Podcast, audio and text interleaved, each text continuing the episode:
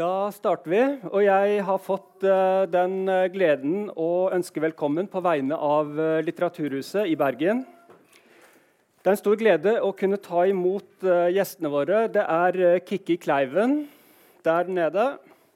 Og så er det Sigurd Verven, Agna Lirhus, Andreas Vermerenholm og meg selv, som heter Espen Stueland. Jeg skal presentere gjestene litt etter hvert som de kommer opp på scenen. Det kunne være fristende å innlede med å gjengi et lite utdrag av en 150 år gammel tekst. Noen ord som fra dypet av vår litterære kanon forbanner industrialiseringen og virkningene av å bryte løs bergarter og mineraler i gruveganger. Verre tider, verre syner, gjennom fremtidsnatten lyner. Brittens kvalme stenkullsky senker sort seg over landet. Smutser alt det friske grønne kveler alle spirer skjønne. Stryger lavt med giftstoff blandet, stjeler sol og dag fra einen. Drysser ned som askeregnen over oldtids drømte by. Da er slekten vorden stygg. Gjennom grubens krumme gange lyder nynn av dypvannssange. Puslingflokken, travel og trygg, frigjør malmens bundne fange går med puklet sjel og rygg. Det er Henrik eh, Ibsen som legger denne litanien i munnen på Brann. Forfattere har alltid vært sure kritikere av modernitet og framskritt. Den menneskelige aktivitet, brenning av stenkull, beskrives her som noe som har dramatisk virkning på omgivelsene. Den potensielle trusselen om drukningsdød hvis grunnvannsspeilet skulle fylle gruvesjaktene, er konstant nærværende. Gjennom grubens krumme gange lyder nynn av dypvannssange. Ordene kunne vært en poetisk beskrivelse av solarisk korrigert, Øyvind Rimbreids fremtidsdystopi, som innleder med spørsmålet What vil I bli om du ku kreip fra vår world til us?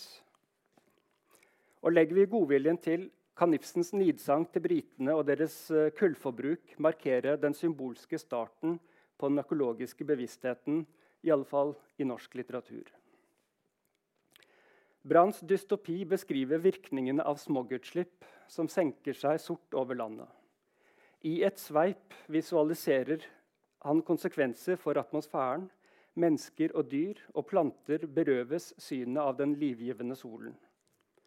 Brandes besvergelse går fra det høyeste høye til det laveste på bakken. Og han Brann stanser ikke der.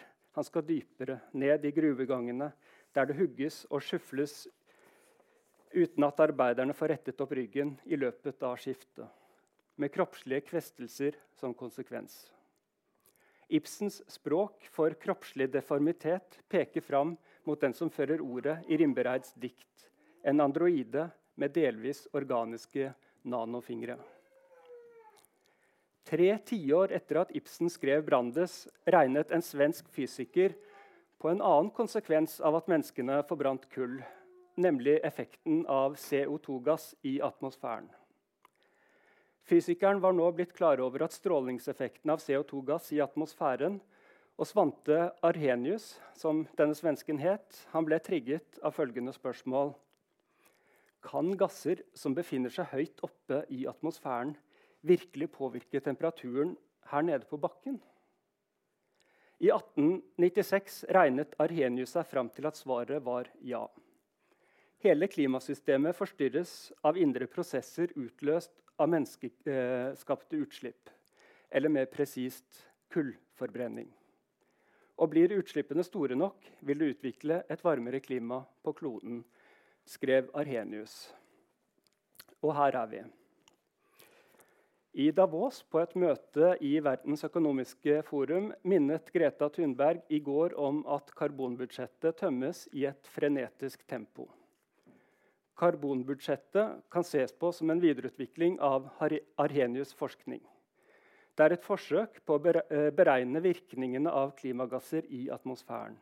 Anskueliggjort som budsjett viser målingene hva som må til for å unngå at den gjennomsnittlige temperaturøkninga på kloden overstiger mer enn 1,5 grad celsius. Og dette er på mange måter utgangspunktet for Litteraturhusets nye programserie. Med foredrag og samtaler skal vi gyve løs på spørsmål om hvordan vi leser og forholder oss til det språket som beskriver klimakrisen, og til økolitteraturen. Noen mener at et litterært verk eh, sin mening oppstår i det vi leser. Meningen i verket er ikke fiks ferdig før vi som lesere skaper den. Og Hvis man tar dette som utgangspunkt, blir spørsmålet om eh, altså hvordan leser vi eh, økolitteraturen, desto viktigere.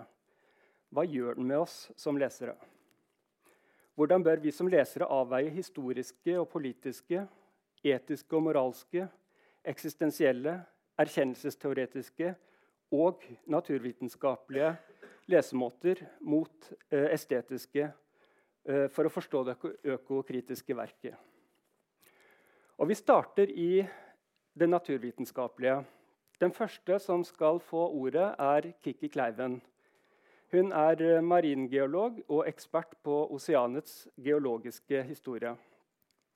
Kikki underviser ved Institutt for geovitenskap på Universitetet her i byen og ved Bjerknessenteret for klimaforskning. Og hun er en formidler av rang og har vunnet priser for det. Så ta godt imot Kiki.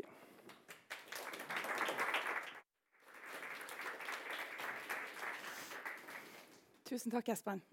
Jeg liker jo ofte å se på jorden med disse gamle fotoene som ble tatt fra de første Apollo-ekspedisjonene. Dette er litt nyere, fra 2015. Og det som jeg synes er spesielt med dette, er at vi faktisk får se dette utrolig tynne lufthavet som vi bor i, alle sammen. Som er grunnlaget for alt liv på jorden, og som eh, inneholder klimagasser, som er helt viktig for at vi kan bo på jorden.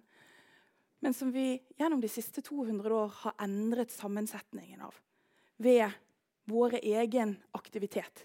Ved å utvikle jorden, ved å sette fyr på kullhaugen, så har vi endret sammensetningen i atmosfæren. Og I dag har vi varmet opp jordkloden 1,05 grad på 150 år. Det høres kanskje ikke så mye ut, men hvis vi ser på de effektene det har hatt på klimaet over de siste fem tiårene Hvis vi går tilbake og ser i fotoalbumene til våre besteforeldre og til våre foreldre, og ser på aktivitetene om vinteren, og ser på hvordan livene våre egentlig har endret oss, så har vi tilvendt oss en ny normal. Det er det jeg ønsker å snakke litt om i dag. Hvordan visualiserer vi klimaendringer? Vel, En måte som vi prøver å gjøre det på, er å sette sammen bilder for gjennomsnittstemperaturen på jorden hvert eneste år. Og la den kjøre helt opp til 2019. Og på den måten vise det at det er vær hvert eneste år. Men når, været, når vi ser på været over 30 år, så får vi et klimagjennomsnitt. Og nå som vi begynner å nærme oss 60-70-tallet, så vil dere se at farvene endres. De blå farvene her, da er det kaldere enn normalen. Og de varme fargene er varmere enn normalen.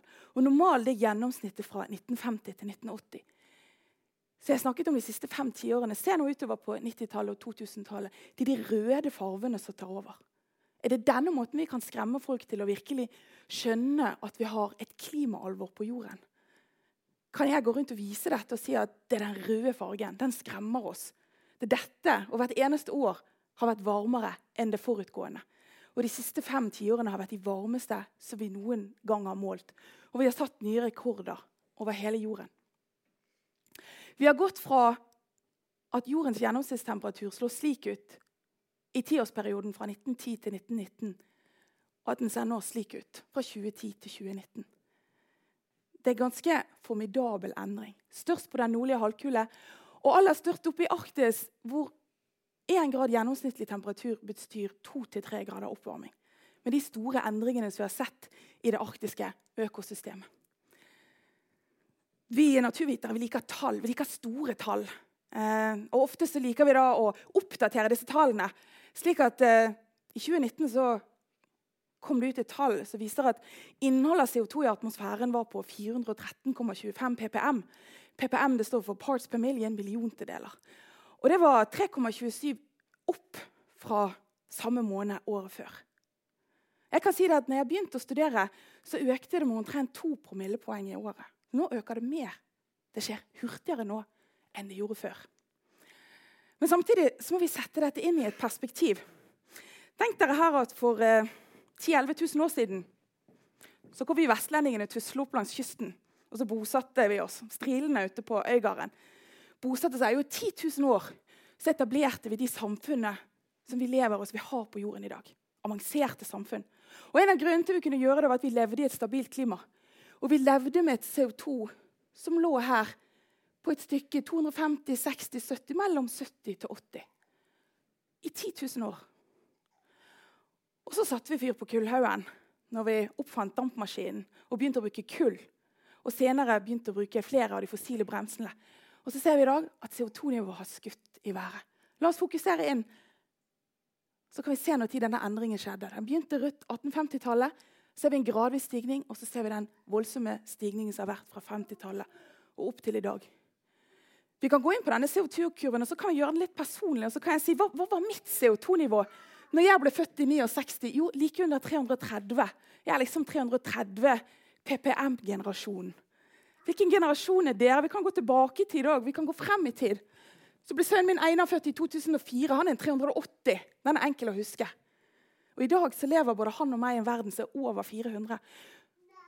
Og Det nivået har ikke vi hatt på mange millioner år. Det er et nivå som har skjedd så hurtig at vi har ingen analoger til det. Jeg som liker klima mange millioner år tilbake i tid, kan ikke gå tilbake i noen tidligere varmeperioder og si at jo da, dette har skjedd før. Det er helt naturlig. Snart går det ned igjen. Dette er bare sykler. Det er ikke det. Det er et enormt kjemisk eksperiment vi har satt i gang oppe i vårt eget lufthav, som vi ikke vet slutten på, og som vi ikke vet hvor vil ta oss. Men det vi vet med sikkerhet er at de generasjonene som kommer etter oss, vil få det mye tøffere. Tenk om CO2 var rosa. Tenk om det var en rosa gass, slik at atmosfæren sakte ble mer og mer rosa. Da er jeg helt sikker på at vi hadde ikke hatt en klimakrise av de dimensjonene som vi har i dag. Allikevel så går det en rosa lenke mellom, eller en sammenknytning mellom kirsebærtrærne i Byparken og kirsebærtrærne i Japan. Og En av grunnene til det, det var at en kollega av meg for to år siden i Japan begynte å se på når kirsebærtrærne blomstret i Kyoto. Og Det viste seg at keisere og munker gjennom hundrevis av år hadde notert den første dagen kirsebærtrærne blomstret. Og så samlet han alle disse dataene. De første årene omtrent sånn frem til år 1200 så var det ikke så veldig gode data. Men omtrent fra år 1200 og frem til i dag så har vi data hvert eneste år. Og denne blå kurven er gjennomsnittet. Så kan vi si at Det har vært litt variasjoner på når tid blomstringen var. Men fra 1800-tallet og frem til i dag så har våren kommet tidligere og tidligere i Japan.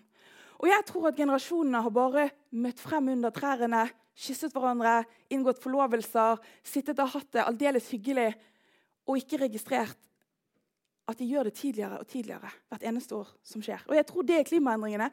Det at vi tilpasser oss en ny normalitet. Og Vi må noen ganger spørre oss hva er det som er vårt kirsebærtre. Hva er det vi har lagt merke til som endrer seg i klimaet og miljøet vårt?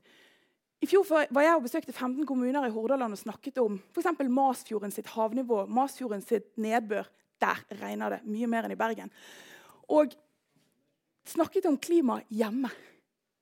Og det som var spennende, det var å høre at de ikke hadde isfiskefestivaler lenger i kommuner. At smalene kom på beite 34 uker tidligere enn det de gjorde på 50-tallet. At kristtornen oppå Radøy nå sitter bær, det gjorde den nemlig ikke før. I sommer satt den bær på, eller vinter satt den bær på Askøy. Og at de som hadde hatt et naust gjennom fem generasjoner ute på Sotra og satt et hakk for hver eneste stormflo, hvor høyt den nådde, hakket settes høyere og høyere. Og På denne måten så har egentlig folk sin egen klimahistorie som de kan fortelle. Og Derfor kan du også kanskje gjøre noe med klimafotavtrykket både i en kommune og i en familie når du får dette.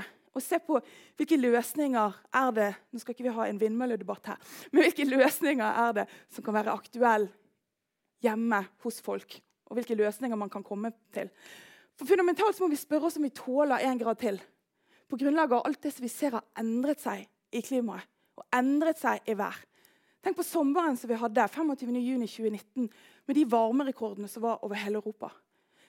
Denne type somre slik som vi klimaforskere modellerer og sier til å komme nesten et eneste år på slutten av dette århundret. Og dette er ikke vi rigget for. Vi har faktisk nok, ikke nok grunnvann i Europa til å takle lange tørkekriser. Og hvor skal vi få maten vår fra hvis hver eneste sommer blir en tørkesommer? Vi vet at vi har hatt utfordringer i Norge, men utfordringene er enda større på de store kontinentene med langvarig tørke, hvor det også er brannfare. Og så er det slik at Klimaendringene har to forskjellige utslag. Der det er tørt, er det tørrere, der det er våt, blir det våtere.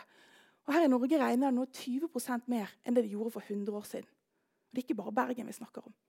Det regner over hele landet mye mer. Med store utfordringer for infrastruktur. Folk føler ikke seg trygge lenger. Det raser mer. Det er mye mer utfordringer med å sikre skolevei.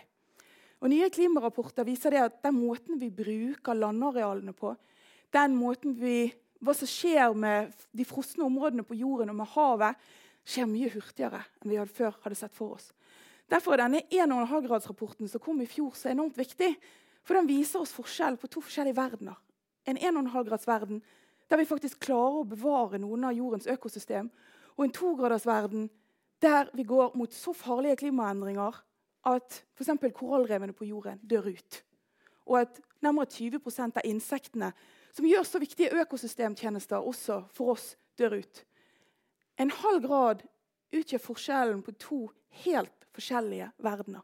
Og den ene begynner å bli ganske farlig. Dette er kanskje et av de viktigste økosystemene vi har i verden. varmtvannskorallene. De dør ut ikke bare pga. forurensning, men også pga. et mye varmere hav.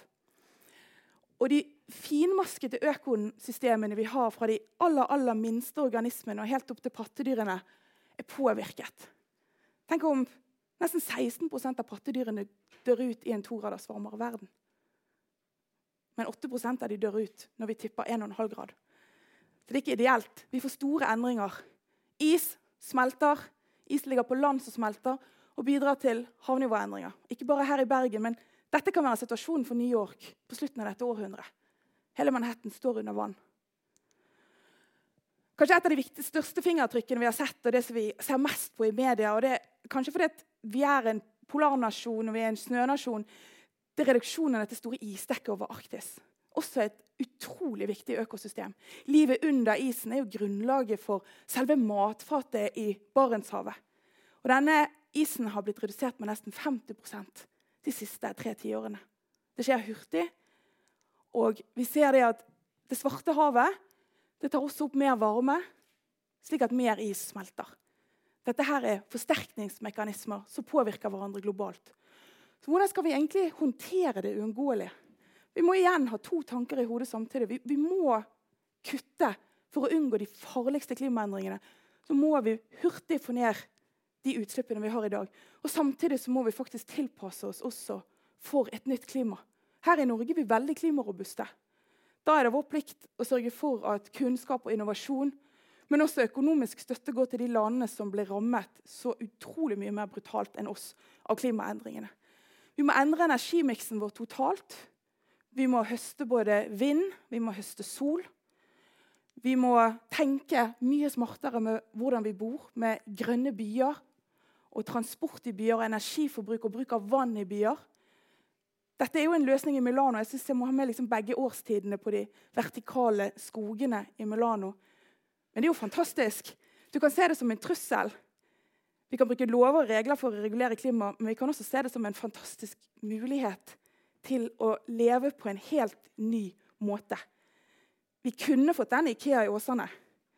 Heldigvis så dekket de taket med sedum, slik at det er, løser en del av overvannsproblemene i åsene. Vi må se på endringer i transport. Denne kommer og plukker opp bosset mitt en gang for uken. Og jeg ler hver eneste gang. Highway to L. Vi er på vei. Store endringer i transport langs kyst og ikke minst eh, i fergene våre. Vi må ha en renere og mer effektiv industri. Og vi må ikke grønnvaske det som skjer ute på norsk sokkel. Vi må ikke tro av at å legge en strømkabel ut til en oljeplattform, så blir det som pumpes opp og sendes ut og brennes et helt annet sted, plutselig grønnere eller mindre forurenset. Bare fordi vi gjør det renere der ute, og sosialdemokratisk og blåøyd og likefordelt. Det er akkurat like skittent. Det er akkurat samme dritten vi tar opp og sender videre. Og Samtidig så er også utfordringen at hvis vi skal klare å få ned de store utslippene vi har i dag, så må det skje hurtig. Altså Innen 2050 så må vi faktisk ha kuttet 50% av de utslippene vi har i dag. Og det er ikke nok til bare å kutte. Vi må også ta ut CO2 av atmosfæren. Og Det er et kapittel i seg selv.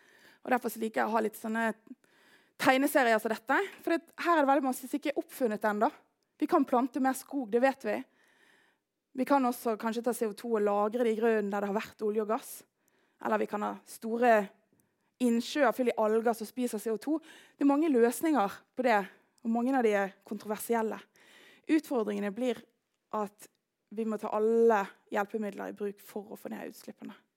For å unngå de aller, aller farligste klimautslippene, som gjør at vi får irreversible klimaendringer. Som gjør at økosystem kollapser og ikke kan reetableres på jorden. Disse siste klimarapportene viser egentlig skiltet til en dør som vi ikke ønsker å gå gjennom. Det er virkelig danger zone til å gå videre. Og så er det heller ikke sånn at alt frem til liksom 1,4999 grader. Det er liksom enhjørninger og gratis iskrem og fluffy, nydelige ting. For klimaendringene skjer nå. Det er jo kjempereelt for folk her og nå. Derfor må vi også se på løsningene her og nå. Jeg utfordrer egentlig alle sammen til å tenke over hva de har opplevd av endringer i klimasystemet rundt dem. Hva er det som skjer med været vårt? Hva er kirsebærtreet i ditt liv? Og ikke minst, hva er det du bryr deg om som du ikke ønsker skal bli endret? Takk.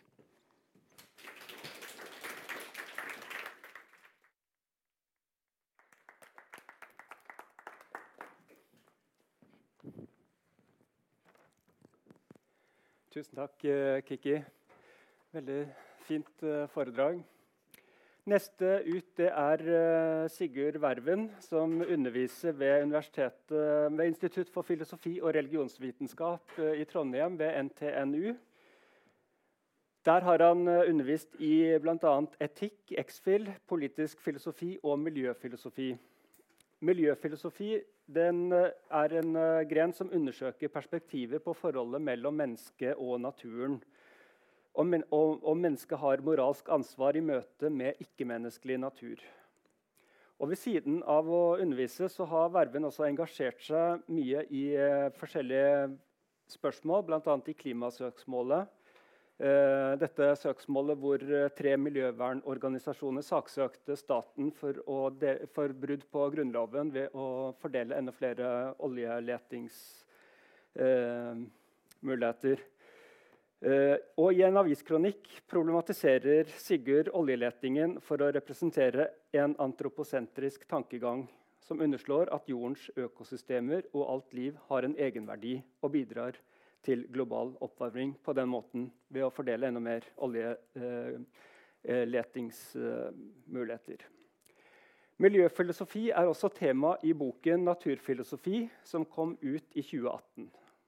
Den er skrevet i et språk som ikke krever eh, faglige forkunnskaper, som er lettfattelig, og som absolutt kan anbefales til alle som er nysgjerrig på disse problemstillingene. Det er en eh, en bok her, og jeg tror også at den er til salgs eh, sammen med enkelte andre bøker nede i hjørnet der. sånn. I boka skriver Sigurd at miljøengasjementet stammer fra kjærligheten til livet mer enn kjærligheten til en selv. Den kraften, eh, mobiliserende kraften ligger i frykten for at noe man er glad i, trues med ødeleggelse. Og Det er vel verdt å ta med videre. Så ta godt imot Sigurd Verven.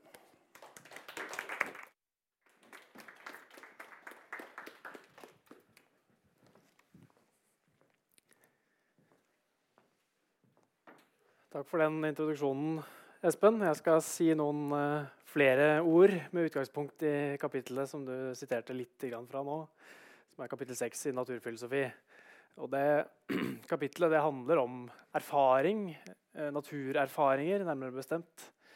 Uh, jeg kommer ikke til å si noe spesifikt om litteratur eller økokritikk. Det skal jeg overlate til ekspertisen som kommer etter pausen.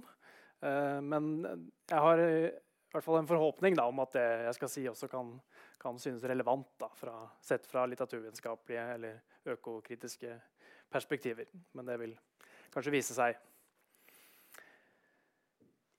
I tysk filosofi eller en tysk filosofisk tradisjon så er det vanlig å skille mellom erfaring og opplevelse. Erfaring og elevnis.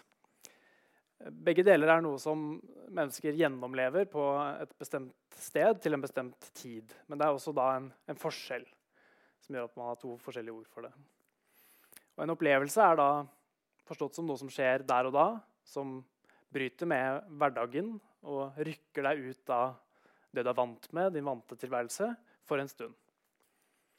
Men så vender du tilbake til hverdagen igjen, og opplevelsen blir da bevart i hukommelsen som noe som du kan se tilbake på og minnes, men uten at du er blitt vesentlig forandret av opplevelsen. Du er den samme og tar opplevelsen med deg. En erfaring derimot, sånn som dette er tenkt, er ikke noe man kan legge bak seg på samme måte. En erfaring setter dypere spor. En filosof som heter Jay Bernstein, skriver følgende Å gjøre en erfaring innebærer å gjennomgå noe, å lide, altså 'suffer', han skriver på engelsk, på en slik måte at man blir forvandlet av det. Det som erfares, er noe man verken hadde forventet eller forutsett, det er noe som bryter med forventninger, skriver Bernstein. Slik forstått så er en erfaring ikke noe du kan bestemme deg for å gjøre. Det er snarere noe som skjer med deg. Noe utenfor deg øver en innflytelse på deg, gjør noe med deg. Og på den måten kan erfaringer minne mennesker om at eh, vi ikke er allmektige, fordi vi nettopp kan bli grepet og forandret av noe annet, noe som er fremmed, noe vi ikke selv har pønsket ut eller, eller laget. Så den som, blir, den som, gjør en erfaring i den forstand som jeg snakker om nå, blir beveget, blir berørt eh, på en måte som omformer, og blir beveget og berørt av noe annet enn en seg selv. Erfaringen representerer noe nytt, en type nyhet som omformer, og som gjør at vi kan si om den som gjør en erfaring, at vedkommende er blitt en erfaring rikere, og at det har noe å si for det. Hva vedkommende er, eller hvem vedkommende er. Og erfaringer tvinger oss til å revurdere inngrodde oppfatninger. Og gjennom erfaringer sånn som dette er tenkt, så dannes også nye relasjoner eh, til verden utenfor nye holdepunkter eller nye fester dannes. Og Gjennom det kan ens identitet også bli forvandlet eller annerledes gjennom at man bindes til noe utenfor seg selv. Så Det er dette erfaringsbegrepet som jeg vil legge til grunn i det jeg sier nå. Så tror jeg at mennesker ikke bare gjør erfaringer i møte med andre mennesker, ikke bare. Selv om det er vanligvis tenkt slik i den tyske filosofiske tradisjonen at man gjør erfaringer i møte med andre mennesker. Og det tror jeg absolutt man gjør.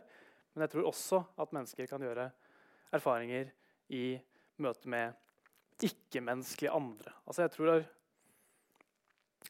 tror, at mennesker kan møte på noe som berører oss, og får betydning for hvordan vi ser oss selv, hvordan vi ser på verden, eh, og våre egne gjøremål, våre egne praksiser, også i møte med med så, det jeg da kaller ikke-menneskelige andre, eller ikke-menneskelig natur. Og Videre så hevder jeg også i boka at jeg tror at denne typen erfaringer kan bidra til å avle en kjærlighet til denne ikke-menneskelige naturen. Altså at konkrete møter med eh, skog, vann, elver, planter, insekter osv. kan gi grobunn for et engasjement for naturen. En måte å si det på er at i konkrete erfaringer og konkrete møter med noe i naturen, så er vi en form for deltakere i naturen, og ikke bare mer sånn passive tilskuere til naturen, for å bruke eh, et skille fra Hans Skjervheim, filosofen Hans Skjervheim. Erfaringer med natur tenker jeg, kan gi en form for kontakt, være en form for møte med noe som er unikt og særegent der. På den måten så står erfaringer i kontrast til mer abstrakt tenkning om natur. som nettopp ser på det som er felles for mange ting, og ikke det som er unikt eller særegent eller spesifikt eller individuelt. eller hva man nå vil kalle det. Et typisk eksempel på abstrakt tenkning er mer sånn eh, matematikk, eh, fysikkens naturlover, som søker å gripe det som er eh, likt for en rekke enkeltobjekter, enkeltting. Og idealet for en, en, ja, en teori innen fysikken eller en naturlov er at den egentlig aldri støter på overraskelser. Aldri blir overrumplet av noe utenfor seg selv. I vår kultur så har kunnskaper som opererer på et sånt eh, generelt, abstrakt nivå, eh, fått en form for forrang i vår forståelse av naturen. Den ikke-menneskelige naturen. Altså tidløse, eller i hvert fall presumptivt tidløse sannheter om uforanderlige størrelser blir sett på som mer høyverdige former for kunnskap enn kunnskap om konkrete levende vesener og livsformer som blir til og går til grunne og sånn sett ikke er tidløse, men nettopp eminent bundet i tid og temporale, da, som vi sier på fint i filosofien. Ved siden av det så er det også tenker jeg, noen trekk ved menneskespråket. At det har en tendens til å fange nettopp det som er felles for ting. Og ikke det som er særegent og unikt. Noen ord som gjerne brukes om ulike ting, er så generelle og abstrakte at, at forskjeller eh, sånn sett viskes ut når man bruker de samme ordene om dem. Vi snakker f.eks. om olje som en ressurs. Vi snakker om skogen som en ressurs. Vi snakker om torsken som en ressurs. Vi snakker også om mennesker som, som ressurser. Jeg tenker at Førstehåndserfaringer er et viktig korrektiv til disse tendensene til abstraksjon, allmenngjøring, i vår kultur og vår språkbruk. Mens eh, mange ord og begreper, i tillegg til naturlover, samler ulike ting inn under seg og gir dem en felles nevner, eh, så er erfaringer noe som gir en form for særegen eh, kontakt, i motsetning. Det er du og ingen andre som gjør en erfaring, og det er bare dette på, på dette bestemte stedet til denne bestemte tiden som du gjør en erfaring med. Erfaringer skjer her og nå, og maken har aldri funnet sted og vil ikke finne sted igjen. Og gjennom det kan man i hvert fall i en viss forstand komme til en form for erkjennelse av noe som er forskjellig fra, fra en selv. Og jeg tror at hvis, hvis, språket vårt og kunnskapene våre forlater erfaringsverdenen helt, eller får for stor grad av distanse til erfaringsverden, så mister de en form for fotfeste, og de kan stivne og bli til en form for dogmer som aldri på en måte når ut over sine egne tankebaner. Jeg tror som sagt at naturen er et sted hvor mennesker kan gjøre erfaringer, sånn som jeg har brukt dette ordet. Som forandrer og danner, som skaper en type kontakt. Og kanskje også en opplevelse av en form for mening. Men jeg tror også at moderne mennesker er sosialisert inn i et natursyn som hemmer, eller som kan virke hemmende på den type erfaringer. Mennesker i moderne vestlige kulturer har vanligvis levd med at naturen oppfattes og behandles ikke minst, som en samling livløse stoffer i mekanisk bevegelse eller en type passive gjenstander uten egne prosjekter eller egne mål eller formål med tilværelsen. Sånn er mange vant til å tenke at naturen er slik tenker at den er, på det mest egentlige nivået av virkelighet. Og Riktignok vil mange kunne oppfatte eller oppleve naturen som fargesprakende, full av liv og aktivitet når man går en tur i skogen. eller hva det måtte være. Men den typen opplevelser eller erfaringer forstås gjerne som noe subjektivt eller noe som man kan på en måte tillate seg å kjenne på privat, for oss selv. Mens det mer sånn objektive og intersubjektivt delte oppfatningen av virkeligheten utad er at naturen er en samling passive gjenstander uten egne prosjekter eller formål. Og I en beslektet tankegang som jeg har vært inne på, språkbruken i, så er vi også vant til å tenke natur, på naturen først og fremst som ressurser eller en samling ressurser som vi mennesker, gitt at naturen er ressurser eller ting, bør være frie til å brukes som vi vil, siden vi har prosjekter som er verdt å etterstrebe. Jeg påsto da at eh, virkelige naturerfaringer kan hindres eller hemmes av et slikt natursyn. Men kanskje er det mer interessant om vi kan si at naturerfaringer i hvert fall kan bidra til å etablere et annet natursyn. En annen måte å se det på. Hvis erfaringer kan i viss forstand forme vår oppfatning av naturen,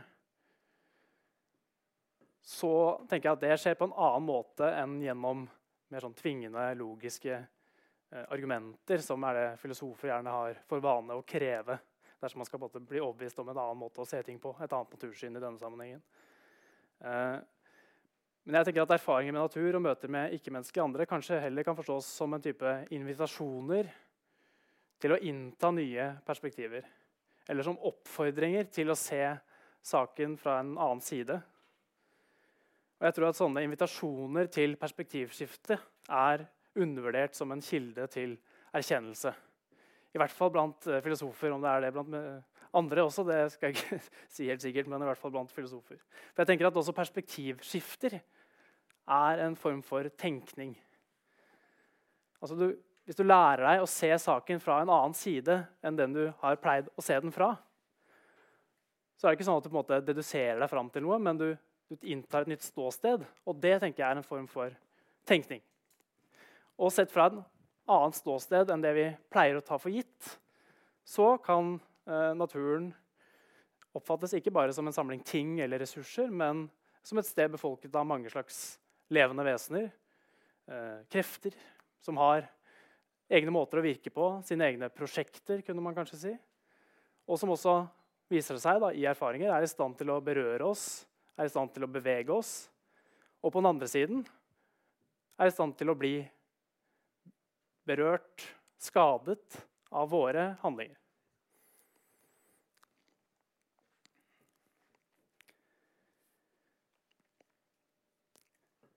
Kommer jeg til samme formuleringene her i manuset mitt som Espen siterte i stad. Altså, for mange som har et engasjement for naturen og som brenner for miljøvern, så tror jeg en viktig drivkraft er følelser for livet, og at motivasjonen for miljøvern, naturvern, eh, klimaengasjement nettopp ikke stammer fra først og fremst da, fra en sånn opplyst egeninteresse eller en instrumentell fornuft som sier at vi må bevare naturen fordi vi trenger den. Jeg tror at engasjementet vel så mye stammer fra en kjærlighet til livet som fra en kjærlighet til seg selv individuelt forstått. Jeg tror at Den mobiliserende kraften ligger i, i, frykten for at noe man er glad i, trues med ødeleggelse. Og jeg tror som sagt at erfaringer nettopp kan avle en slik kjærlighet til livet. Jeg tror at Et engasjement for naturen ofte henger sammen med at, at man oppfatter naturen som meningsfull, som verdifull, eh, nettopp fordi man har gjort erfaringer med og nettopp derfor gjennom erfaringene blitt knyttet til naturen. Fått sin identitet forandret gjennom naturerfaringer. I hvert fall har jeg erfart det selv. Nesten hver sommer så, siden jeg var liten, så har jeg vært på fisketurer på et bestemt sted langs kysten av Vestfold i en åpen båt med påhengsmotor. Og som regel så har vi da fisket med det som vi i hvert fall kaller for båndsnøre som er et uh, snøre med et lodd og en krok eller to kroker i enden. Som man slipper ned til havbunnen, og så heiser man det uh, en meter opp. Og så blir det hengende sånn en meter over havbunnen uh, med agnet veldig lokkende for fisken der nede. og med denne fisketeknikken så får man vanligvis torsk. Da, som, eller man kan få flyndre og andre ting også, men det er torsk man gjerne er på jakt etter da, fordi den lever like ved havbunnen. Da jeg var barn, så plukket vi eh, stort sett blåskjell i vannkanten eh, og brukte det som agn på båndsnøret. Da kunne vi bare rusle ned til strandkanten. Og der eh, ved hytta da, så lå det sånn en, et sånt belte da, av blåskjell langs hele stranda. som var eh, mellom en meter og halvannen meter tykt. Så der var det et uh, utømmelig reservoar av agn til båndsnørene. Men i løpet av min levetid så har dette blåskjellbeltet uh, forsvunnet helt fra stranda. Nå finner man knapt et eneste blåskjell. Og dette er også en generell trend, altså det er ikke bare på denne stranda. Uh, så det Vi gjør er at vi ofte kjøper litt sånn ekstra mye reker eller, eller, noe annet som man kan bruke som agn til middagsmat, og så bruker vi det som agn i stedet, istedenfor å finne blåskjell i vannkanten. Nå. Og jeg vet ikke hvorfor denne endringen har skjedd. hvorfor vi ikke finner blåskjell lenger. Det kan ha naturlige årsaker, for hva jeg vet. Men, men siden mennesker, siden vi vet bedre og bedre at mennesker er i stand til å forandre naturen i stor grad, i stadig større grad, så vekker denne raske endringen som jeg har sett bare i løpet av min levetid, som ikke er, ikke er mange årene, det vekker en følelse av ubehag. Hva, hva, skyldes dette? Har dette noe med oss å gjøre? Har jeg bidratt til dette på noen måte? Skyldes det, skyldes det global oppvarming, kanskje? Hva vet jeg? De siste årene og Dette skriver jeg ikke om i, i boka, men for det har skjedd etter, men de siste årene har jeg også erfart at Eh, at det er blitt vanskelig å få tak i torsk, eh, eller altså, å få torsk på kroken i det hele tatt. Eh, og I fjor sommer så ble antakelsene mine om at noe var galt med kysttorsken, bekreftet da myndighetene nedla forbud mot å fiske fisketorsk langs hele kysten på Østlandet, helt fra og med Telemark til, til svenskegrensa. Fordi bestanden var truet. da. Ifølge Havforskningsinstituttet er det sannsynlig at nedgangen i, i torskebestanden, altså kysttorskbestanden på Østlandet skyldes i sin tur et kraftig fall i, bestanden av dyreplankton i samme område. Og nedgangen av plankton på sin side skyldes mest sannsynlig global oppvarming. Men uansett hva som er årsakene til at jeg ikke finner blåskjell lenger, og at eh, ja, det først ble vanskelig å få torsk, og etter hvert ble det forbudt å fiske torsk. Uansett hva som er grunnene, så føler jeg på en følelse av sorg. Noen snakker om økosorg. For at noe i naturen som jeg kjenner fra min barndom, og som jeg forbinder med min, ja, med min barndom og min identitet, ikke lenger finnes. Blåskjellene er omtrent borte, og vi kan ikke lenger fiske på den måten som jeg tenker hører til på hytta. Jeg tror den følelsen jeg kjenner på, nettopp kommer av at erfaringer med natur gir en identitet, som igjen kan gi opphav til engasjement for naturen eller sorg for tapt natur, som i dette tilfellet.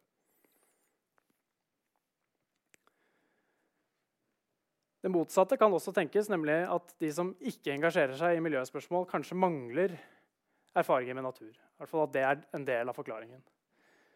Espen Sturland her reflekterer over dette i boken 700-årsflommen. Han eh, han stiller der spørsmålet Er de som mangler førstehåndserfaringer med naturen, mer tilbøyelige til å oppleve trusselen mot klimaet og naturen som fjern?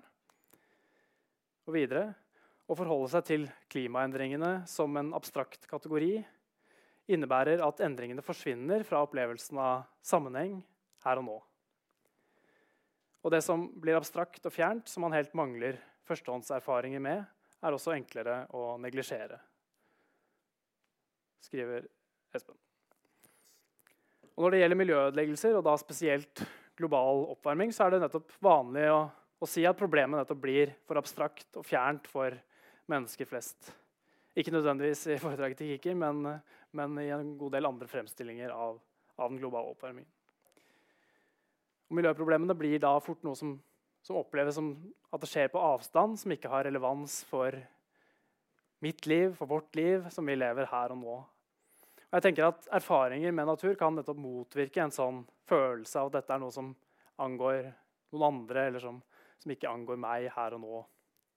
For en som har gjort erfaringer med natur, kan nettopp endringene som også nå skjer i Norge, bli helt konkrete og aktuelle, for ikke å si akutte, selv om de er mye mer akutte og vil være mer akutte andre steder. Selv vil jeg si at jeg elsket å dra på fisketurer som barn sammen med bestefar. Men sannsynligvis kan ikke jeg ta med mine egne barn når de blir eldre, på det samme stedet og fiske på den samme måten. Sannsynligvis fordi dette stedet er uopprettelig forandret, eller skal vi si ødelagt, av eh, global oppvarming. Og I lys av denne typen erfaringer så blir ikke virkningene av global oppvarming lenger abstrakte og, og fjerne.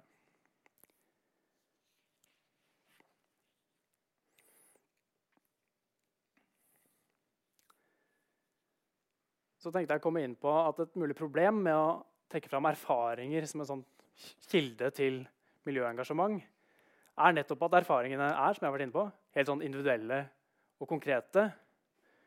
Og nettopp derfor ikke nødvendigvis deles med så mange andre. Så Derfor er jeg blitt interessert i hvordan erfaringer kan deles og bli noe felles. Og Én måte å dele erfaringer på er ved hjelp av, av bilder. Altså et bilde kan i hvert fall da, eh, gi et sånt visuelt utsnitt av det som potensielt kan være en erfaring, eller i hvert fall et møte med noe i naturen. Eh, bildene er da en slags formidlende mellomledd, kunne man tenke. Altså, på en måte kunne man si at det er fotoapparatet og den som har tatt bildet, eh, hans måte å se eller hennes måte å se motivet på osv. Det står på en måte mellom oss og den naturen som det er bilde av. hvis det er et naturfotografi det er om. Da. Og I noen sammenhenger så vil jeg også tenke at denne typen sånn teknologisk formidlede erfaringer, da, hvis, det, hvis, man kan bruke det ordet her, at det mangler noe. Men jeg tror det blir for stivbeint å si at måte, teknologisk formidlede erfaringer, sånn som et bilde er, da, alltid er mangelfulle eller en slags sånn annenrangs erfaringer sammenlignet med kroppslige erfaringer som involverer alle sansene. Jeg tror vi bør ha rom for å si at begge deler kan være erfaringer. Dette er i hvert fall noe som har blitt klarere for meg. da. Eh, Pga. det fenomenet som i offentligheten i Norge har fått navnet plasthvalen. De fleste her kjenner kanskje til det, men jeg kan ta en liten opp, kjapp eh, oppsummering. Altså, I januar 2017 ble en seks meter lang gåsenebbhval funnet på grunt vann utenfor øya Sotra vest for Bergen. Da levde gåsenebbhvalen fremdeles når den ble funnet, og lokale viltmyndigheter og, og brannvesenet forsøkte å lede den ut på, på dypt vann igjen. Men, eh, hvalen vendte tilbake. Altså den kom tilbake til, eh, til Sotra. Og det virket derfor som den var syk, og den ble, ble avlivet. Deretter ble den fraktet med lastebil til Universitetet i Bergen sin marinbiologiske stasjon på Espegren. Og der ble hvalen undersøkt nærmere. Og Undersøkelsen av hvalen viste at magesekken var helt fylt opp av plast. Over 40 plastposer, eh, plastsekker og større plastflak ble, eh, ble funnet i, i valmagen, og det tok opp nesten all plassen i, i magesekken. Og det virket derfor som man kunne dra den slutningen at hvalen hadde, eh, hadde, sultet og blitt syk fordi fordøyelsessystemet var helt tilstoppet av plast. Marinbiologene som undersøkte denne gåsenebbhvalen, de tok da bilder. ikke sant? De benyttet fotografier for å dokumentere funnene i første omgang. Og Spesielt så var det da et bilde av den åpnede hvalmagen liksom inn i, i, magesekken, som sikkert mange av dere har sett, eh, som, eh, som eh, fikk mye oppmerksomhet. Altså det, eh, det, ble spredt i veldig stort omfang og bidro til å gjøre plasthvalen til både et, et nasjonalt og et internasjonalt mediefenomen. I en periode så var det artikler og innlegg om plasthvalen illustrert ofte da, med dette bildet.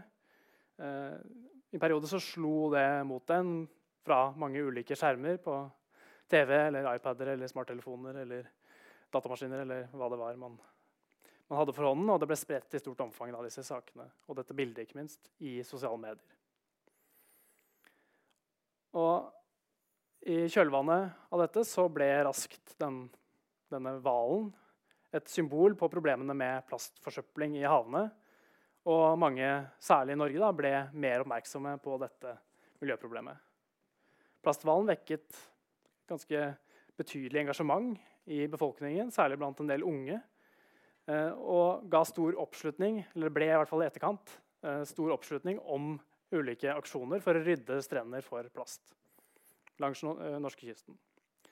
I spørreundersøkelser i, i etterkant så oppga 25% av befolkningen i Norge at de hadde plukket plast utendørs i 2017. enten på eget initiativ eller som del av mer sånn organiserte aksjoner. I tillegg så laget jo Historisk eh, museum her i Bergen en utstilling om plasthvalen og om plast i havene. Jeg hadde håpet kunne, at jeg kunne se den, men den ble dessverre tatt ned nå i sommer. Eh, og Sky News laget dokumentaren 'The Plastic Whale'. NRK har laget flere programmer om plastforsøpling. Bl.a. et program rettet mot barn og unge som het Planet Plast. Der programleder, programleder Line Elvsåshagen bl.a. besøkte Plasthvalutstillingen her i Bergen. Som også hadde utstilt alle plastposene og plastfragmentene fra hvalmagen.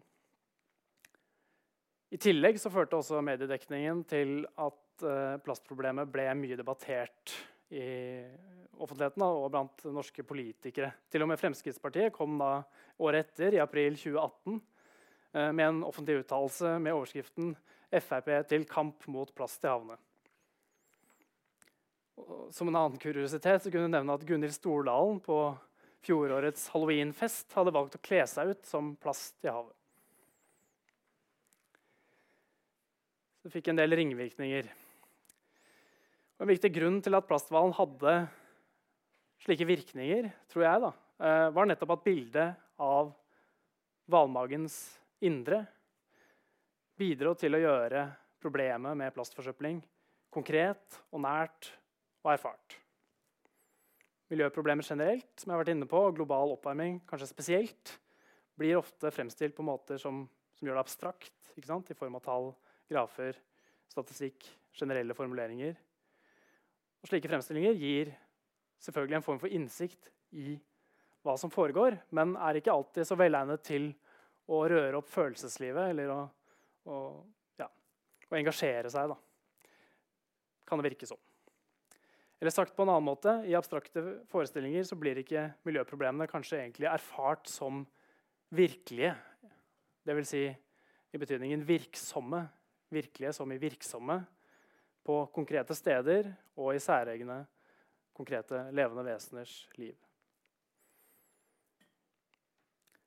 Og I fravær av slike konkrete erfaringer med nettopp reell skade på andre organismer eller steder i naturen, så er det lettere å opprettholde en distanse til det som skjer. Og vi trenger ikke riktig å ta det inn over oss.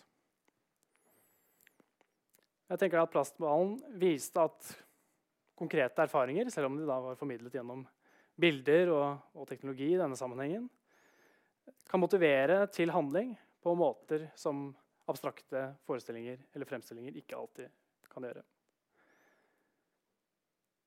Da bildet av plasten i hvalmagen ble kringkastet, så ble problemet med plastforsøpling nettopp konkret og akutt opplevd som noe som har reelle virkninger for livet i havet. Det er i hvert fall noe av det jeg tenker at vi kan lære om mennesker og om eh, forholdet mellom mennesker og natur av plasthvalen. Et bilde kan også virke på den måten. Nå vil andre naturfotografier, hvis jeg snakker om det, eller andre fremstillinger av natur, gjerne kanskje være mer vakre enn vemmelige, som dette bildet var. Da. Kanskje mer harmoniske enn heslige. Og den typen bilder eller fremstillinger tror jeg kan virke på andre måter da, enn plasthvalen. Jeg tror vi kan, kan, ha et behov for begge deler. altså Vi kan trenge både bilder eller annen kunst. ikke sant? Her er det også nærliggende kanskje å nevne litteratur så vidt. Uh, selv om dette er blitt jeg må videre. Altså at kunst eller bilder både kan, kan vise den naturen som vi har, og kanskje vil ta vare på. Og det kan vises skader som eh, menneskelige handlinger skaper i, i naturen. Da, for å lage en sånn motsetning. Men ved siden av bilder og, og andre fremstillinger da, av ikke-menneskelig natur, så tror jeg også altså at vi trenger førstehåndserfaringer som både kan avle en kjærlighet til naturen, og som kan gjøre nettopp skadene som vi mennesker forårsaker i naturen nå, virkelige for oss. Ja. Takk for oppmerksomheten.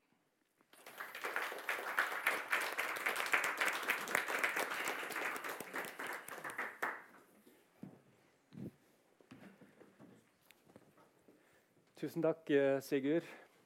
Uh, nå er planen at vi straks skal ha en uh, liten pause. Men uh, hvis det er noen som har et spørsmål til Sigurd eller Kikki, så klem løs nå. Så tar vi en bevilger oss fem minutter til det før vi tar en liten pause. Ja? Ja, takk for to veldig gode, men forskjellige tilnærminger til denne problemstillingen. Men det, det, er en sak her som du var inne på, dette med at det, du må gå fra en opplevelse av noe til å, at noe blir erkjent og at det blir forstått, og at det endrer handlingen.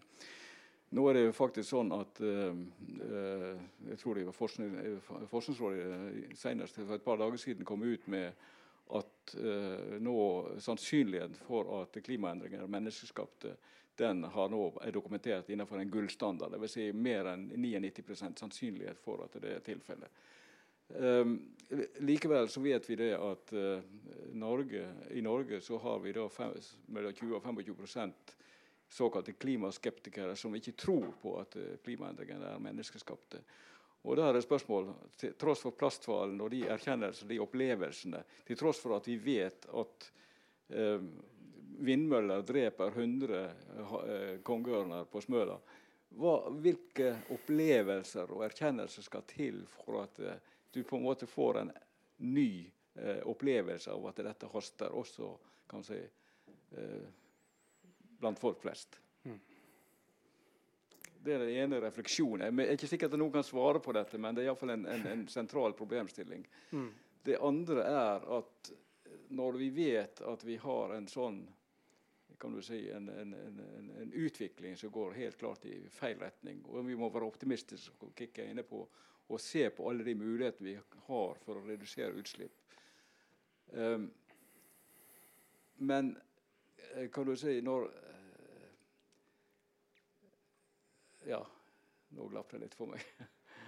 uh, men, men eh, når, når, utslippene skal reduseres, så er, vel, er, det likevel sånn at vi er veldig raske med å akseptere at ny naturødeleggelse, eksempelvis eh, vindmøller, som kan du si, ikke bidrar til, nødvendigvis til å løse problemet, men i mange sammenhenger øker problemet.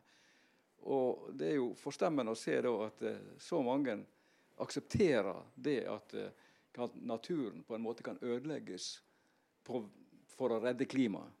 Så du har en, på en måte en veldig motsetningsfullt forhold mellom si, det vi vet om klima, det vi bør gjøre, og det vi faktisk gjør, som bidrar til å forsterke problemet på, på, når det gjelder det klimamessige, når det gjelder det, det, det miljømessige.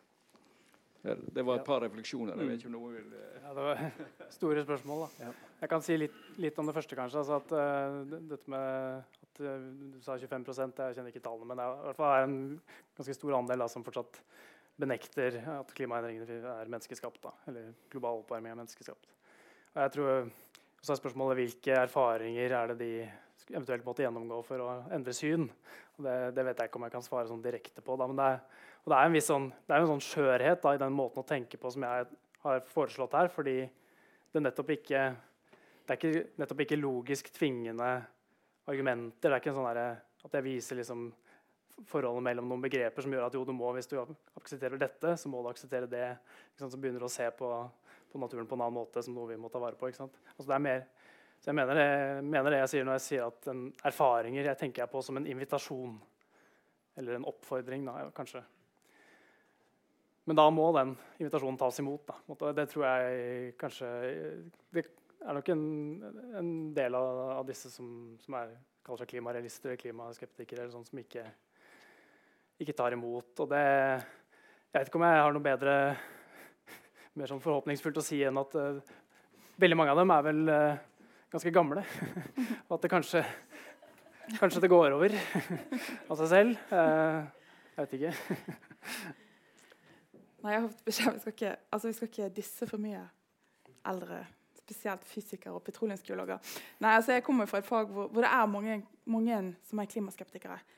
Um, og fylket sør for oss treffer jeg mange. Altså, jeg treffer jo fysisk klimarealister veldig ofte. Uh, og, og, og ja, jeg har vært der også.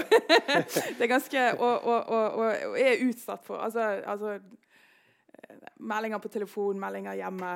Um, ganske mye hetsing, selvfølgelig, fordi at, eh, fordi at vi snakker om klima. Eh, og det lever jeg godt med. Eh, jeg tror ikke det er alle som er yngre enn meg som lever så like godt med det.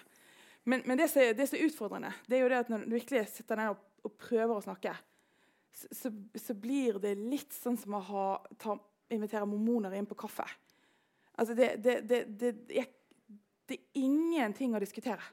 Vi har ikke noe møtepunkt i det hele tatt. Det, bekymrer meg. Eh, at, for jeg, jeg tar gjerne en samtale. Altså, jeg elsker å krangle om faget mitt og forskning og uenigheter. Og, men, men, vi har ikke noe møtepunkt. Og da så tenker jeg, Skal jeg bruke kreftene der? Nei. Jeg liker å bruke kreftene på lærere og elever. Eh, og, og, med, litt med det som du sa med hensyn til det å få erfaring og møte og få i naturen, så må jeg si at noe som gir meg litt uh, framtidstro, det er den nye læreplanen som kommer nå for skolene. Så så til de grader legger vekt på at, at ungene våre skal ut igjen. Altså, Jeg var jo O-fagsgenerasjon. Du aner ikke hva o-fag og ikke du heller, Espen. Jeg altså, vet, Vi er samme Vi er O-fag, vi er O-fag, er det godt. Hvor mange PT var det? ja. Vi er samme generasjon. Ja, vi er samme generasjon. Ja. Vi er, som, vi er 330-generasjon. Men O-fag, det, altså det dette var de gamle naturfaglærerne og samfunnsfaglærerne. Vi var utegangere. Vi var ute hele tiden. Og jeg opplevde også en veldig radikal ungdomsskole. Eh, med, med, virkelig sånn politisk eh, debatt om miljø, ikke minst. Altså, I lys av Gråland Brundtland-rapporten. Og så forsvant det inn i en sånn oljetåke utover 80- og 90-tallet. Og, og jeg ser det igjen i lærebøkene våre også, hvordan dette beskrives. altså hvordan egentlig Den økonomiske veksten og bærekraft henger jo ikke på greip i dag. På 70-tallet hang det faktisk litt på greip at vi skulle gjøre noe med det. Du liksom å vrenge dette fra hverandre. Jeg mener, noe av det som skjer i læreplanen, med at faktisk at vi skal ha erfaring og bli glad i naturen, og få det inn tverrfaglig på skolen, det tenker jeg er større håp enn disse 25 og jeg tenker der, Det er kanskje der vi må legge, legge ja. kreftene våre. Ja. Mm. Ja, det er det jeg sier til deg. Snart blir de liggende som et mm. lag på jorden med nye lag. Og de blir veldig sure og sånne ting. Må ikke si sånn. vi, vi, tar et uh, lite spørsmål til før vi tar pause. Den.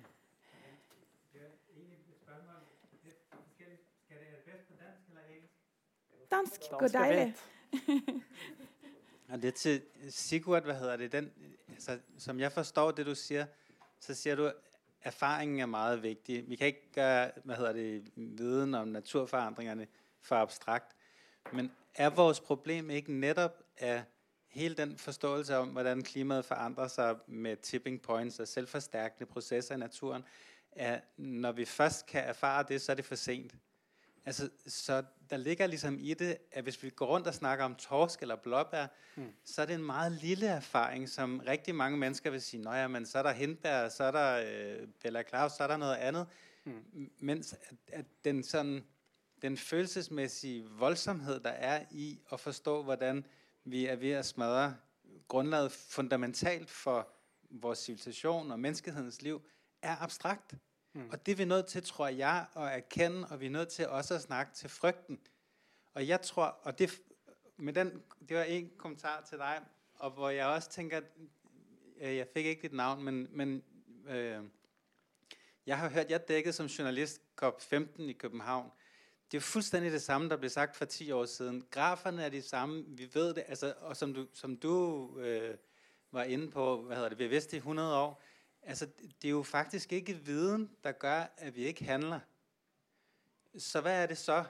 Altså, det er ligesom om, vi, vi er nødt til, tror jeg, at rykke et skridt videre på, hvad er det, der i det her system binder os fast til en udvikling, der fortsætter destruktiv.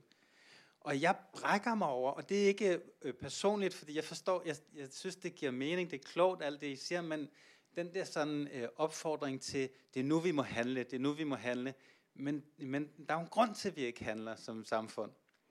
Og, og, og jeg tror, vi er nødt til at komme tættere på, hvad det er i vores økonomiske strukturer, der binder os til fortsat ødelæggelse.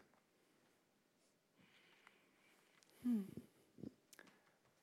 Skal jeg begynne? Ja, altså, jeg tenker at den innvendingen du har, er, er viktig. da. Det, altså, at dette med tids Eh, tidsgapet. Da. Altså at eh, når, når, global oppvarming blir erfarbart, så er, kanskje er det allerede for sent. Det kan si, nå er det jo allerede det. da, en del andre, altså, Det er allerede erfarbart. altså Hvorvidt det allerede er for sent, kan, det skal ikke jeg svare på. Men, uh, men det er jo også en del sånne, altså det er jo endringer som foregår over så lang tid at det kanskje ikke er erfarbart i et menneskeliv engang, men som likevel veldig, kan være veldig dramatiske. Da. Da snakker man om 'shifting baselines syndrome'. altså at eh, For hver generasjon så har man ulike eh, standarder for hva som er en normal natur.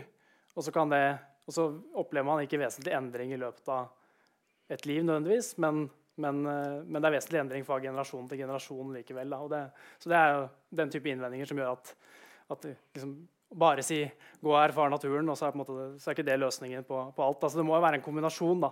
men det er som en, sånn, som en sånn tillegg til de abstrakte fremstillingene altså, og den naturvitenskapelige kunnskap. og sånn. Det er absolutt ikke istedenfor. Eller som en, som en sånn, Sett det til side. La oss gå og bli glad i naturen eh, gjennom å, å, gå tur i skogen. Altså, det, er ikke, det, er, det, er, mer det at ja, for, for, å gjøre det konkret igjen, altså det torskeeksempelet, da, så er det jo ikke sånn at, at jeg ikke måte, i min forståelse av hva det er som skjer når, når, det, når jeg får mindre torsk enn før, og det nedlegges et forbud mot å fiske torsk, så er det ikke sånn at jeg ikke måtte, uh, prøver å lese meg opp på den naturvitenskapelige kunnskapen om temaet. Og Havforskningsinstituttet og sånt, som sier at det antagelig har dette med global oppvarming å gjøre. Uh, men det kombineres. da, Det er både erfaringene av at her er det en endring, som jeg også kan kan jeg krysse generasjoner ved å snakke med mine foreldre og mine besteforeldre som har fisket på samme stedet lenger tilbake enn jeg kan huske. da, Som kan si at her fikk vi mye torsk før. Men nå får vi ikke det, og vi har ikke, kanskje ikke fått det mens du har levd. nesten i det hele tatt.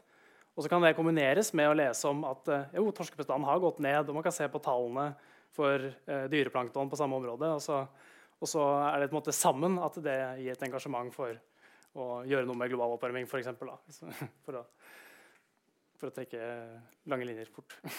mm. Da tar vi en uh, pause i et kvarter. Går det? Ja. Eh, et pause til, eh, til, halv. Sharp. Og så har vi tre kvarter igjen etter det med en samtale.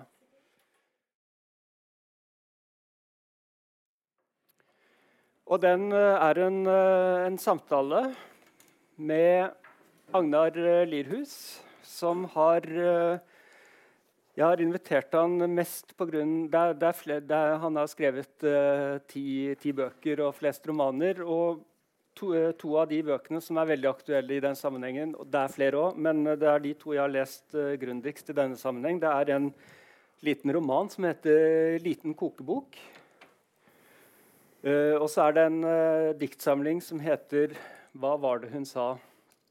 Og Det er en diktsamling skråstrek billedbok for eh, barn i absolutt alle aldre. Den kan jeg egentlig sende rundt, for så vidt, så kan folk se på bildene. Og så er det Anders Wermerenholm som sitter ved siden av meg her, som kommer fra København. Og han uh, har gitt ut uh, tre bøker som har kommet på et uh, norsk forlag. De heter 'Antropocen kreatur', 'Skapningernes lovsang', 'Planetariske vesen'. Og de tre bøkene ble uh, samlet re og revidert uh, litt grann i en bok som kom på norsk uh, ved oversettelse ved Jørn Sværen. Og den heter 'Alle tegn i samme natt'. Den kom i 2018. Stemmer det? Ja. ja. Så den, den, bør være i, i salg fortsatt. Du er også redaktør for et tidsskrift som heter Ny jord en ny naturkritikk. Og Det har jeg lyst til at vi skal komme litt inn på etter hvert. Men aller først så har jeg lyst til å, at vi skal uh, komme litt inn på dette med uh, Dere er jo forfattere, og språk er det som er arbeidsredskapet deres. Og Man hører veldig ofte, både fra filosofer og litterater, forfattere, at det trengs et nytt språk for å snakke om klimaendringene. Uh, og Det er ofte oppe i diskusjonen at det trengs nye former for litteratur. Nye metaforer, nye bilder, nye narrativer. Uh, for å skape en ny forståelse da, av av uh, klimaendringene. Uh, og Man hører også ofte at uh, ord som bærekraft og økologi er forslitte. Det er blitt en sånn slags motreaksjon mot, mot, en del av det etablerte vokabularet da, for å beskrive det som skjer. Uh, Bl.a. fordi kapitalkreftene bruker disse ordene for å grønnvaske produkter. Uh, så jeg lurte litt på Dere har i bøkene deres uh, reflektert veldig mye over, over, at det trengs nye språkformer. Jeg lurte på om dere har lyst til å kommentere det litt, eventuelt lese litt. Agnar, har du Uh, ja, du viste jo til en liten uh, ja, tror, Egentlig så tror jeg ikke jeg begynner med å lese, men uh, du, du, viste til en passasje fra den liten kokebok. Jeg hadde ikke tenkt på det, men det står vel noe sånn som 'Hva skal vi med navnene?' Men jeg har vel Er det greit om jeg bare begynner? Gjør det. Egentlig. ok, ja takk. jeg har holdt et foredrag hvor jeg har tatt til orde for at det trengs en ny i hvert fall nye litterære former. Og mer enn jeg har tenkt på det helt språklig grunnleggende. For det, det, er jo et begrep som heter cli-fi, som i hvert fall brukes mye i Danmark, tror jeg. I Norge brukes det ikke så mye. Men da, da er det ofte snakk om bøker som eh, egentlig bare har tatt over helt sånn standardiserte formel art av fortellingsmåter, altså spenningsroman, eh, treaktstruktur osv. Og, og bare flytta det over i et sånt klimaunivers. Og, og da tenker, har jeg tenkt at når fortellingens struktur er akkurat sånn som vi kjenner den fra alle romaner vi leste før vi visste om klimakrisen, så er det ganske usannsynlig at vi skal få noe veldig ny erkjennelse. Vi kan kanskje bli kjent med noen motiver osv. Jeg tenker f.eks. på den TV-serien Game of Thrones, som eh, jo har en sånn veldig sånn tydelig klimametafor som sin grunnleggende struktur, som er det der med at den vinteren kommer, og, og verden kommer til å kollapse. Men det er, ikke, det er, jo ikke, det man tenker på når man ser på den. Det er, det er jo en sånn voldsorgie de luxe og sex, mykporno. Det er alle de derre velkjente eh, klisjeene fra underholdningsbransjen eh, som bare holder oss virkelig i sofaen, heller enn å liksom få oss opp.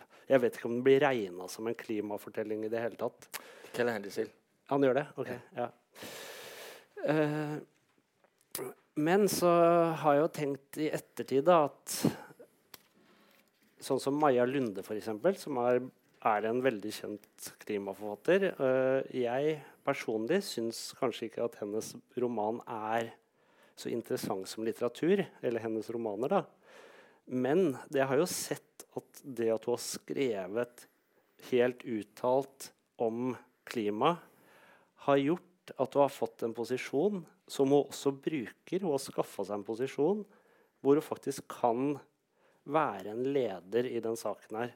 Så sånn sett så syns jeg å bruke de velkjente litterære formene til å skape seg et rom til å faktisk ta opp saken, har vist seg å være veldig effektivt. For Maja Lunde har faktisk fått en stemme og blitt en leder i den saken her på kulturfeltet i Norge. Men på den andre siden så tror jeg faktisk det er legitimt å si, sånn som man gjorde eh, med da modernismen kom, at vi trenger faktisk en ny kunst. Samfunnet er forandra, og vi trenger nye former, nye uttrykksmåter som er i stand til å uttrykke den nye erfaringen. Uh, I modernismen så var det fremmedgjøringen som var det store, og man lette på en måte til former å, å uttrykke det på den følelsen av å leve i det samfunnet skulle på en måte finne form og få et estetisk uttrykk.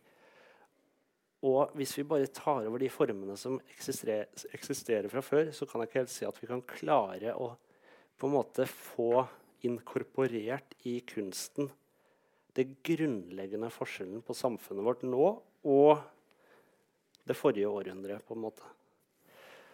Og for meg så er den store forskjellen ikke fremmedgjøring. Folk føler fortsatt fremmedgjøring, men den store forskjellen for meg nå er å leve med vissheten om at man ikke har en fremtid.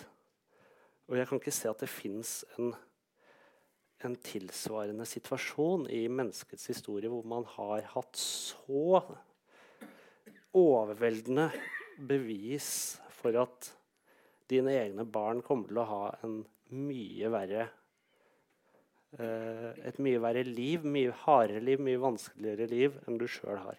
Det er den som er radikalt nytt, sånn jeg ser det, og som krever en ny litteratur. Vær så god. Når du sier fremmedgjørelse, mener du så fremmedgjørelse fra selvet, eller fra Modernismens frem, Ja. fremmedgjøring. Er det, det er bare lige sånn et spørgsmål, fordi jeg sidder og tenker litt på det, at Nei, det var vel altså, Da var det jo med indu, altså, ut, altså byenes vekst og, og bli på en måte en sånn proletar, jobbe i fabrikker hvor du egentlig bare lagde en del til noe som ble noe annet. At du hadde ikke den direkte kontakten med på en måte, Du Mm. sådde et frø, det ble et korn, du spiste kornet. Man var hvis du skjønner. fremmedgjort over for sin egen virksomhet virksomhed på en eller annen måte. Ja. Ja, ja. Et slags mar marxistisk fremmedgjøringsbegrep. eh. Ja. Jamen præcis, men det, men det er netop det, jeg sidder og tænker på, fordi et af de udgangspunkter, som jeg har været meget optaget af, det er, at vi har været vant til at tænke, at i via Marx, at det var fremmedgørelse fra selvet, der har været den nyere tids særkende.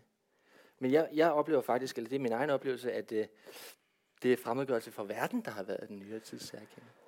Mm. Og øh, noget af det, du nævner der med, øh, og som har været på spil flere gange, det er, øh, sproget har været med til at øh, skabe, eller understøtte, eller udtrykke den her fremmedgørelse. Det der med at arbejde med, med sprogformer, det er, lang, det, er lang, det, det, det er jo langt hen ad vejen et arbejde med klichéer. Øh, ord bliver tømt for mening. Ordet natur, pludselig ved vi ikke, hvad det betyder. Ordet, øh, ordet øh, samfund, solidaritet, socialdemokratisme, alle de her ting. Sproget er altid fare for ikke at betyde noget som helst. Det er Mm. tomt.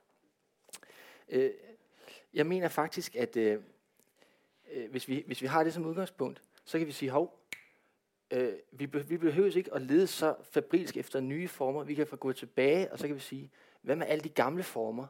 Øh, Mm. Var vi for optaget, var vi for fixeret på, at modernismen gav udtryk til alt det her? Øh, hvad med de forfatterskaber, øh, som vi kender så godt, tror vi? Skal de genbesøges? For eksempel en forfatter som Virginia Woolf. Jeg kommer til at tænke på hende, fordi du sidder her, Josefine. Jeg ved, du elsker Virginia Woolf, det gør jeg også.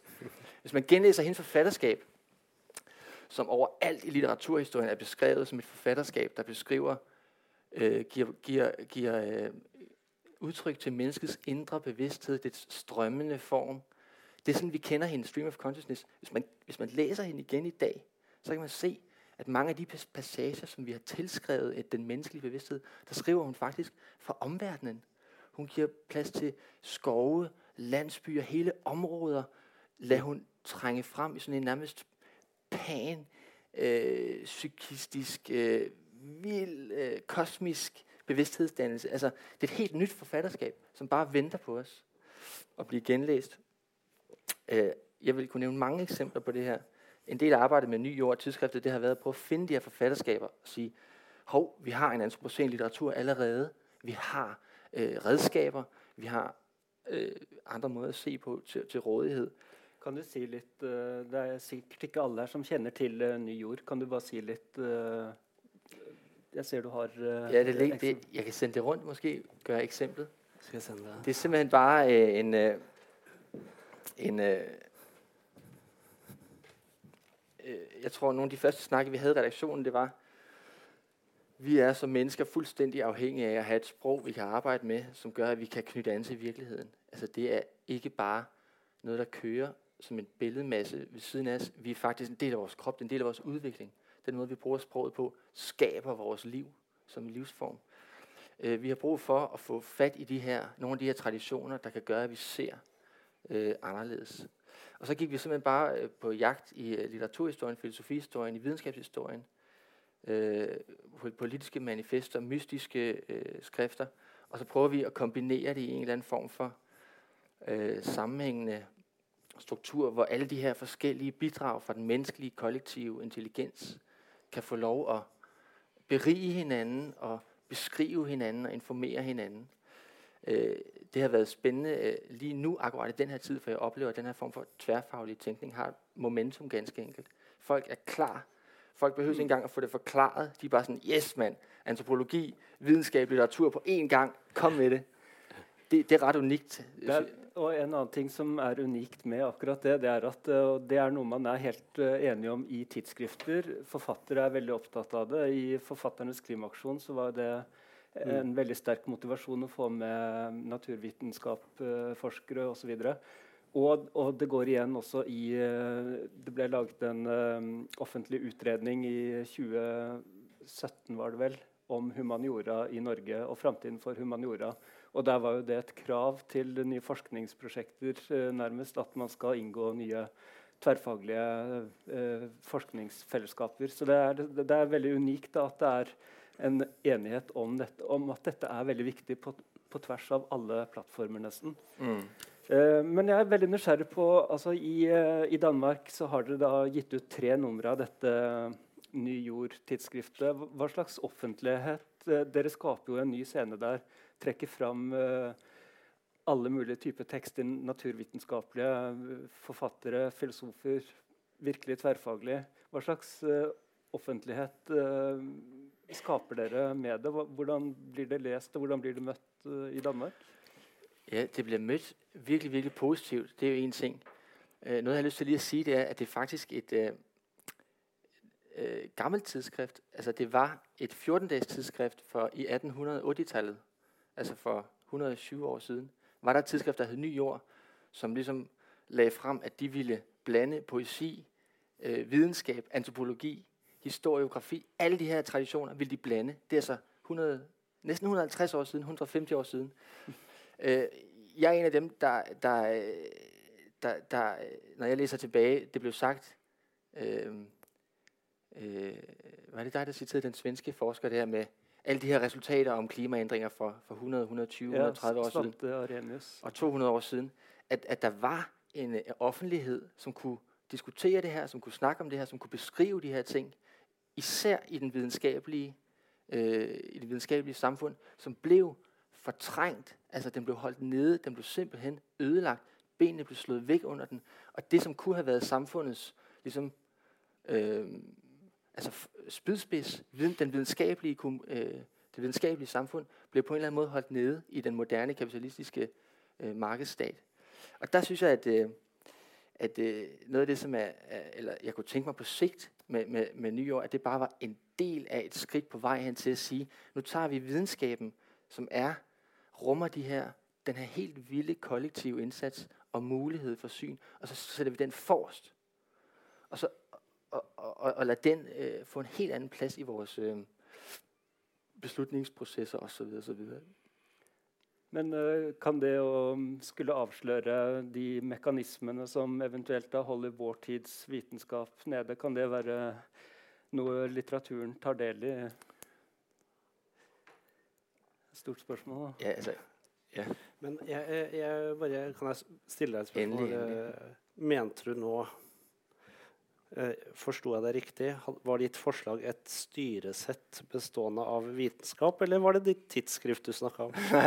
nei, det, var bare det der med altså, i forhold til hvilken offentlighet det er vi skaper. Ja. Jeg opplever at, at, der, at denne offentlighet finnes. Den har vært på en eller annen måte Den har på en eller annen måte ligget og ulmet som sånn en åre. Helt tilbake, altså siden øh, oldtidens Rom, hvor, hvor kirken fikk lov å, å, å gå i, i å, å, fylle mer har der, har, der, har der været de her traditioner, som har diskuteret på tværs af, af videnskabelige faggrupper osv. Og, i Danmark havde vi 30, 40, 50 år med tidsskrifter af den her art, som pionerede. Og øh, jeg tror, det, jeg tror, det er det, der, der, der, der spiger, altså. Men jeg, altså for, for, å være ærlig så opplever ikke jeg at det er mangelen på vitenskapelig gjennomslag som er problemet. Altså Kanskje gjennomslag i forhold til handling, men altså, sånn jeg ser det, så er jo den rasjonelle, vitenskapelige tenkemåten den, den viktigste tenkemåten vi har i samfunnet. Uh, og, og, så er det Et større problem er jo da altså populisme i forhold til liksom hvordan noe får et så vanvittig fokus i forhold til andre ting. Men jeg mener innenfor akademia så er jo er det jo veldig stort rom for diskusjoner, tverrfaglighet osv. Og, så og det får ganske stort, mye større gjennomslag enn kunst vil jeg si, i samfunnet. Så når jeg tenker i forhold til hva som gjør at ting får gjennomslag, hva som gjør at ting blir implementert, hva som gjør at det skjer noe i forhold til denne spesifikke klimasaken her, så handler det jo mer om økonomi. Mm. Jeg så bare sånn i parentes bemerka en notis i Klassekampen i dag. For det er jo det derre møtet i Davos som er nå, hvor de har invitert alle de viktigste businessfolka og osv. Og så der er det jo da det er jo, det er jo angitt at dette skal handle om klima og klimaløsninger. Og, så hadde Greenpeace da regna ut på at 24 av de bankene som var der, bare siden Parisavtalen hadde investert 1400 milliarder dollar i fossilindustrien. Og da kan du jo spørre deg hva er egentlig grunnen til at de er på, i Davos? Jeg kan ikke se for meg at den, grunnen til at de er i Davos, er noe annet enn å bli assosiert med, med liksom positivt klimaarbeid, mens de egentlig, det de driver med, er noe helt annet. De fortsetter som før på det de tjener penger på. Så jeg, jeg tenker at uh, det vi må gjøre i tillegg sånn jeg ser det, det vi må gjøre i tillegg til å, til å se på vitenskapen, til å fortelle altså Jeg er enig i alt det som har blitt sagt om naturerfaring. Jeg er også enig i, Men jeg syns personlig så er det de vitenskapelige utsiktene som virkelig har skremt meg til å tenke at jeg må liksom, agere på en eller annen måte. Men det tredje perspektivet her er jo det politiske, og da tenker jeg klasseperspektivet er veldig viktig. Hvem er det som egentlig har styrt den veien her? Og det er sånn, sånn som retorikken er nå, så er det på en måte alle vi. Det er liksom vår skyld, alle vi som har gjort det. Men det er jo faktisk ikke sannheten.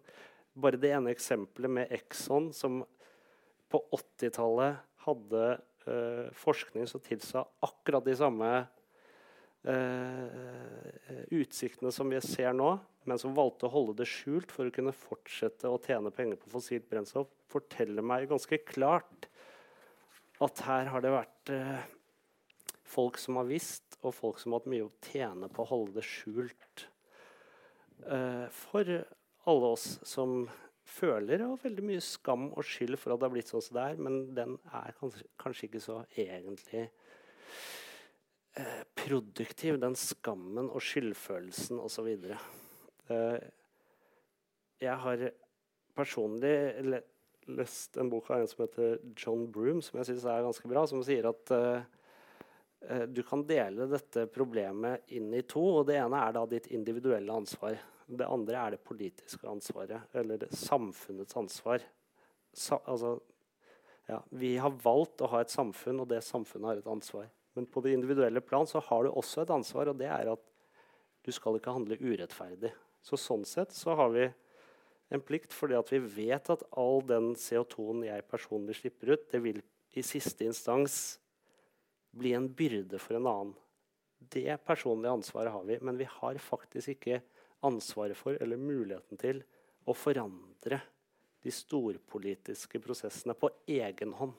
Og Derfor må vi tenke på klasse, vi må tenke på aktivisme og vi må tenke på mønstring av store menneskemasser. Og der har det faktisk heldigvis vært en positiv utvikling veldig nylig. Det har skjedd ting det, det siste året, egentlig bare det siste året som har forandra momentum i saken ganske mye. Definitivt. Du tenker jo sikkert på skolestreik og Greta Thunberg bl.a. Ja, det har skjøvet veldig mye på agendaen, sånn jeg ser det. Også Extinction Rebellion har ja. også gjort det. Ja. Mm. Du har skrevet uh, flere ungdomsbøker uh, med, med, klima som uh, tema. Er det noe du kunne tenke deg å gjøre mer? Er det, er det vel så viktig kanskje som klimaforfatter som å, å skrive for voksne? Jeg har i hvert fall eh, registrert at det er mye lettere for ungdommer å, å faktisk la seg bli emosjonelt berørt. at voksne lesere de har hele tiden det analytiske apparatet gående på høygir. Mens en, eh, en, en ung person er mer villig til å la seg bli Vel, leser egentlig for å bli emosjonelt berørt. Og sånn sett da også erkjenne det i større grad, det, den følelsen. For jeg tenker jo at det, det kunsten, det litteraturen kan gjøre, er jo nettopp å faktisk gi et, et, et slags dyp i den følelsen. Da. Altså vi kan faktisk skrive fortellinger eller formuleringer, dikt. Særlig dikt, egentlig. Det er mest dikt jeg har lest som har virkelig klart å gi meg følelsen av at det er faktisk sånn det føles å leve nå. Uh, det er jo det som er kunstens forse i denne situasjonen. her, så jeg er Mer enn at den skal få folk til å gå ut i gatene og uh, mm. kreve forandring. Der, der tror jeg mer på aktivisme, egentlig. Man hører jo veldig ofte at uh, økolitteraturen uh, det den gjør, det er å gi kjøtt og blod til uh, vitenskapelige grafer og, og, og tallmateriale. Og, og, noe av dens berettigelse ligger vel da kanskje nettopp i Den er jo ute av stand til selv å bringe på bane de tallene. og Den, den forsker jo ikke ute i felten, men nettopp det å, å, skape emosjoner da, ja. gjennom bilder og metaforer og fortellinger. Mm. Men uh, en av de du har uh, jobba mye med som forfatter da, i den ene boka, det er jo Inge Christensen. Ja. Kan du si litt om, uh, det, om, den boka? Det er den som har gått uh, rundt her, som heter 'Hva var det hun sa'? Ja, nei, det er jo da Det var jo et veldig bra eksempel på et dikt, da. Som gir nettopp den følelsen av, al Altså, det er jo et utrolig egentlig kognitivt komplisert dikt. Altså ekstremt. Men Du snakker om alfabet? Alfabet, Nå snakker jeg om alfabet. Men allikevel, det er ikke det du tenker på når du leser det. Du får bli fylt av andakt, æresfølelse eller liksom ja, det er et veldig, veldig følelse av andakt når du leser det. Og så var det jo egentlig en veldig enkel tankegang som lå til grunn for den boka jeg skrev. Og det var at i alfabet så er det jo et sånt utrolig tyngdepunkt i atombomben som sprenger. Som virkelig slår mot deg når du leser den. Og det jeg tenkte, var at jeg skulle rett og slett bare skrive om den med motiver eh, fra klimakrisa, og la det tyngdepunktet rett og slett være et eh, or orkaner og stormer og uvær som har skjedd i virkeligheten. Akkurat som det er i diktet, er det jo Hiroshima og Nagasaki. Og, og, så tenkte jeg også at det prinsippet som boka er skrevet etter, som er det Fibonacci-prinsippet, hvor alt, alt, De to foregående tallene legges sammen og blir da det neste tallet. Sånn at det, det går først sakte, og så går det eksponentielt veldig oppover. Det ligner jo veldig på klimasituasjonen. Sånn at når man først kommer til et visst punkt, så det, blir det så enorme proporsjoner. Så jeg følte nesten at formen til Inger Christensen passa enda bedre på det enn til å tematisere da, atombomben, som er egentlig mer ett et drønn som kommer ut av ingenting, på en måte. Mm.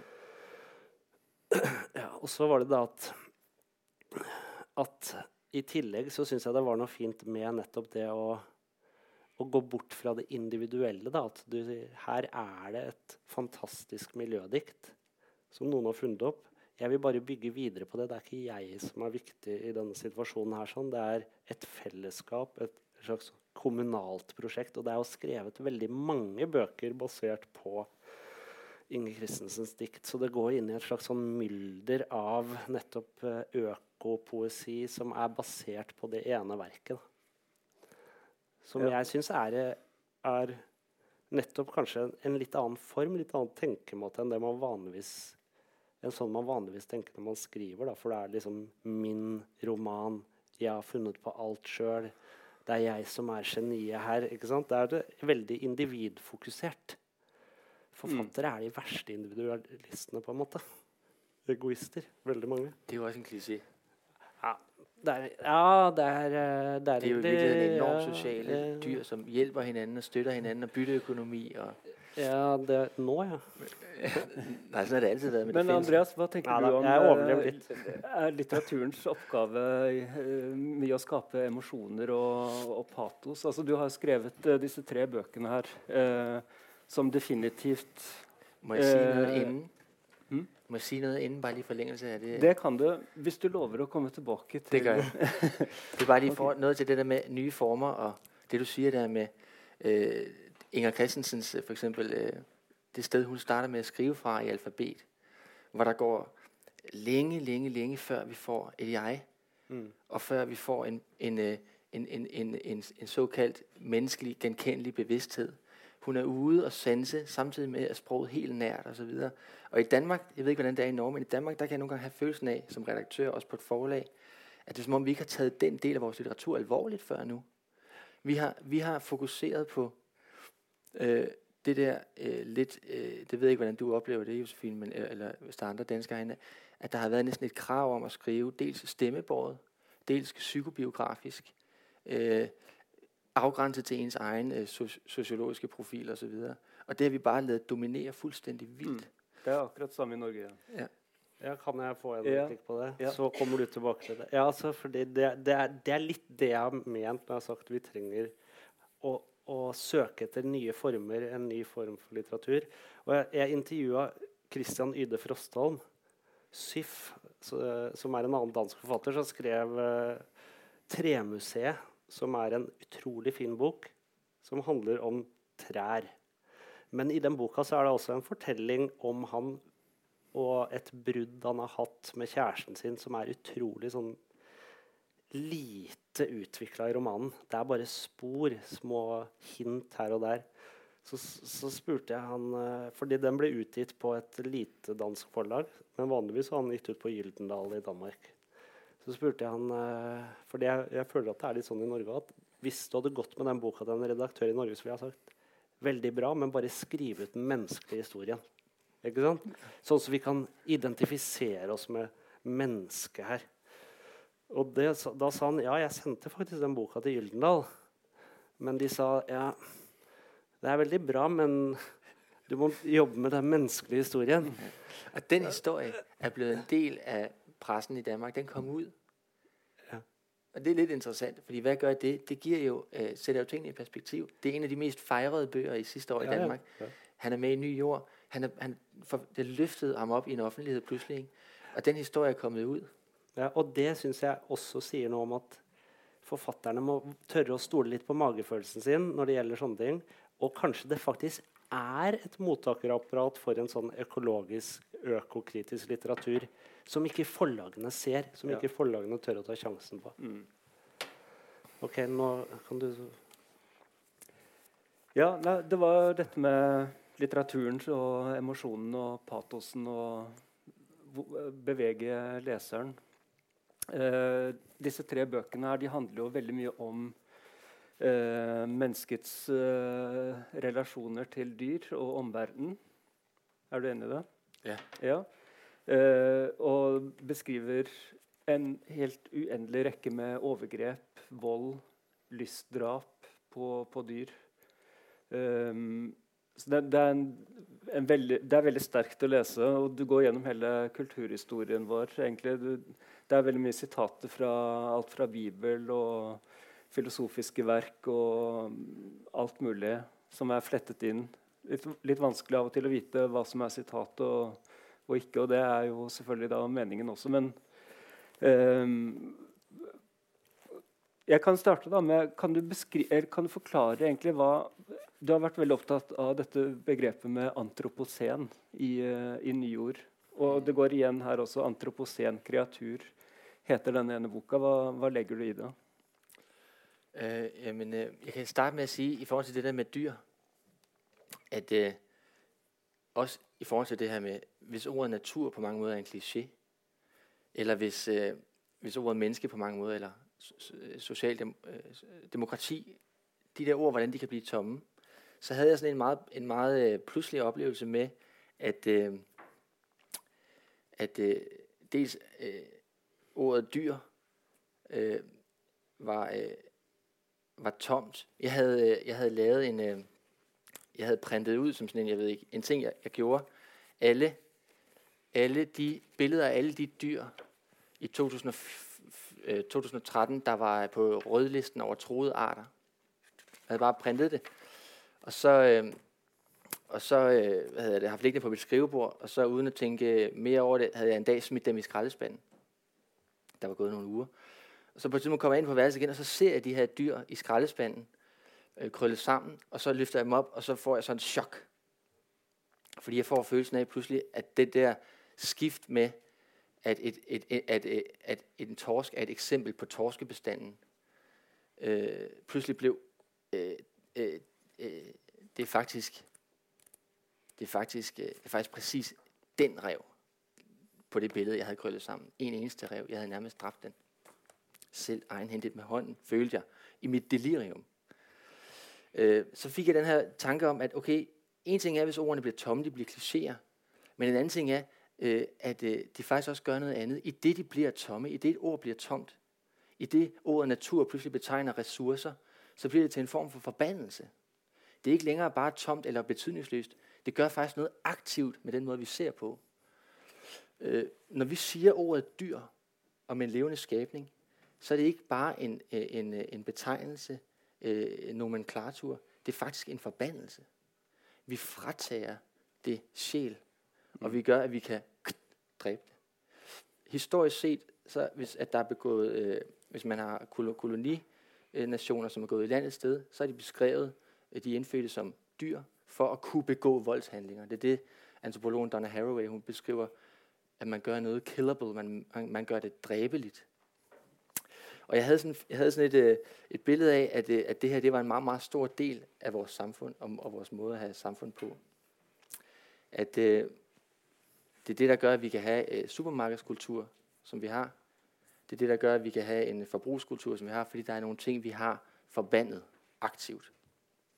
Og så gik jeg ellers bare i gang med at prøve at trawle igennem historien, mm. for at finde eksempler, der kunne på en eller anden måde forklare, Øh, jeg synes, det bedste eksempel i bogen er øh, Darwin, der ankommer med Beagle i 1820'erne til øh, Galapagosøerne. Og øh, øh, undrer sig over, hvorfor fuglene ikke er mere vilde. Hvorfor, hvorfor kommer de imod ham øh, og sætter sig på hans arm? De er jo, øh, altså, de er jo sjælløse, øh, øh, vilde skabninger per se. Mm. At Darwin, som en af vores øh, menneskehedens, i mine øjne, største tænkere og mest skabsindige jagttager, er så blind for sit eget sprog, øh, var for mig et udgangspunkt, som så blev til en hel trilogi. Mm. Ja. Men det startede med den der erkendelse af, at det, det var ikke alene bare tomt og klichéfyldt, det var også faktisk noget mere.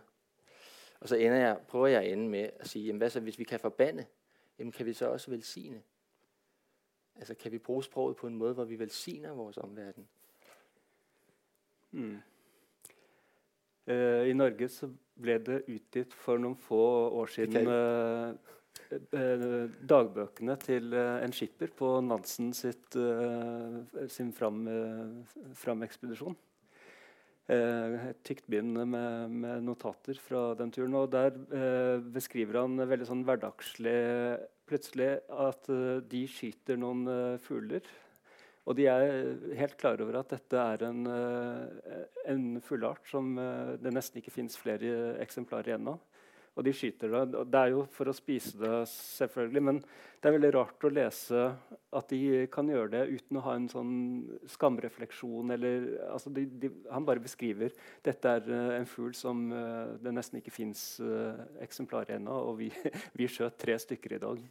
Det, det er helt helt sprøtt å, å lese. Så, eh, den bevisst, økologiske bevisstheten har jo definitivt eh, forandret seg veldig mye. Men det er et stort spørsmål jeg har lyst til at vi skal komme litt uh, mer inn på sånn uh, avrundingsvis, og det er dette med uh, optimisme og pessimisme i, i litteraturen.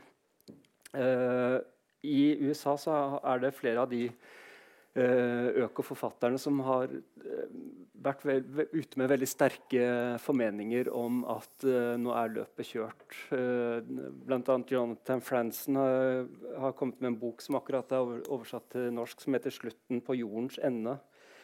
Uh, han har markert veldig sterke synspunkter uh, om dette. Og så er det en annen som heter Roy Scranton, som hadde et uh, essay på trykk i The New Yorker som heter 'Learning to Die in the Anthropocene'. Uh, han har også gitt ut en bok som heter 'We're Doomed. Now What?' Og begge er veldig kritiske til alt som lukter av fremtidsoptimisme. Og I USA så virker det som at forfattere på en måte har mer frirom for å artikulere en, en, sånn følelse. I Norge i hvert fall, og i Danmark også, tror jeg, er det mindre av det. Altså, hvor, hvor, står dere i, i dette spørsmålet? Optim, artikulere optimisme eller pessimisme i litteraturen? Jeg tror, jeg står som sånn at øh, jeg kan bare kun tale på mine egne vegne, at ja. det der med å lese andre forfattere, uh, se filmkunst, som, som, som bringer en tettere på det, man trodde var tapt eller var, u, uh, eller var noget, man ikke kunne nærme sig, det kan være natur, eller det kan være andre mennesker, er bare så enormt håbefuldt og ønskefuldt per se. Selv Jonathan Franzen, som har den der lakoniske øh, nogle gange, øh, alene at, komme, og, og få den der, at dele den her, det her klarsyn, eller, eller ikke syn, måde at se på, giver bare, øh, mig, mig bare enormt meget håb. Også selvom det kan være dystre ting. Øh, langt, langt, øh, langt værre, vil jeg sige, det er, hvis at, øh, hvis at øh, hvis man kan sige, at vi måske i en i en, øh, i en boomtid hvor det, i Skandinavien, hvor det har været meget, meget godt, og vi har været meget velstillede, har levet som om, at vi, eller i Vesteuropa i det hele taget, har levet som om, vi allerede var frelste på en måde, at vi har levet som om, at, at vi var i det forjættede land, og vi skulle drives ud med, med, med, med kulsvål, så, så er der et eller andet øh, dybt opløftende ved at ture gå inn i de her øh, billeddannelser. Er det et uh, Samuel Becketsk uh, syn? Altså han artikulerer jo også veldig mørke, mørkesinn og melankoli, men for ham ligger hele håpet i nettopp å kunne gjøre det. Og, det er jo en veldig tro på språket. da. Ja, ja og, på, og på det der med å dele menneskelige erfaringer og på å gjøre en innsats. Eller bare overhodet prøve å nærme seg. Og Vi vet jo ikke om det, om det batter eller om det gjør en forskel. men det, kan vi jo heller ikke, det har vi jo heller ikke krav på å vite. Jeg glemmer aldri sådan, det, det, det, lyder, det blir hurtig latterlig eller en klisjé, men jeg glemmer aldrig, at øh, jeg så et interview med Dalai Lama, hvor han blev spurgt, øh, jamen hvad med alt det, du har gjort? Du, du træner 12 timer om dagen. Alt det, du har gjort gennem hele dit liv. Har det gjort en forskel? Og så lå han højt og sagde, det ved jeg ikke. Men den der, der er noget utrolig håbefuldt ved det. Jeg ved ikke, hvad det er, vi bilder os ind, at vi kan, at vi kan få vidshed om noget som helst. Ja, det var veldig fint sagt, øh, Andreas. Men uh,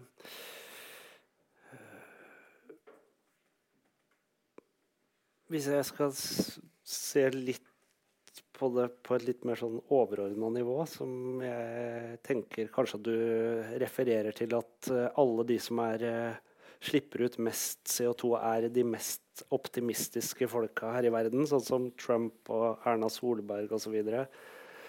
så hvis jeg skal operere på det nivået, så kan jeg ikke kalle meg optimist i det hele tatt. For hvis jeg ser helt uh, sånn faktisk på det, så syns jeg jo at alt tyder på at vi ikke kommer til å klare å snu dette i tide. Men jeg syns at Anders Dunker, som har skrevet en ny bok som har kommet på norsk eh, nå, som heter 'Gjenopprettelsen av jorden', jeg har, har, har, den, men jeg tror den ligger der borte, som er intervjuer med ma mange forskjellige tenkere rundt dette temaet. Da. Han skriver et forord hvor han, hvor han tar til orde for en optimisme som ligger i at man gjennom den transformasjonen som vi er nødt til å gå gjennom, kan oppleve å få mer meningsfylte liv, så tror jeg at det er noe som eh, vi kan håpe på at faktisk kan bli en realitet.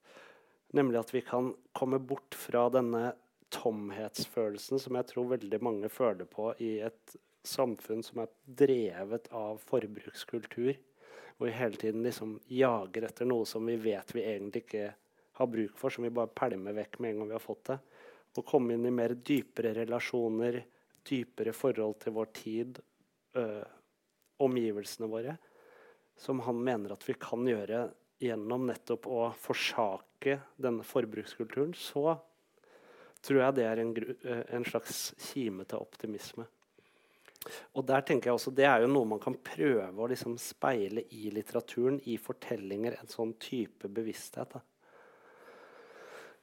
Å skrive om mennesker, skrive om bevisstheter.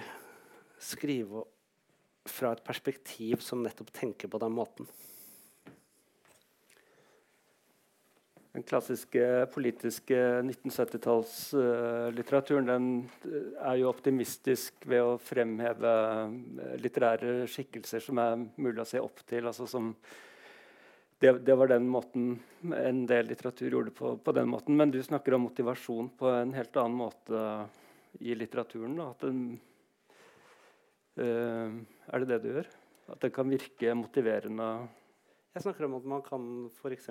skrive om personer som Eller bevisstheter, subjekter som tenker på en annen måte enn vi er vant til, som orienterer seg på en annen måte enn vi er vant til i forhold til f.eks. For natur, eller det kan være i samfunnet, og som vi kan lære noe av, på en måte.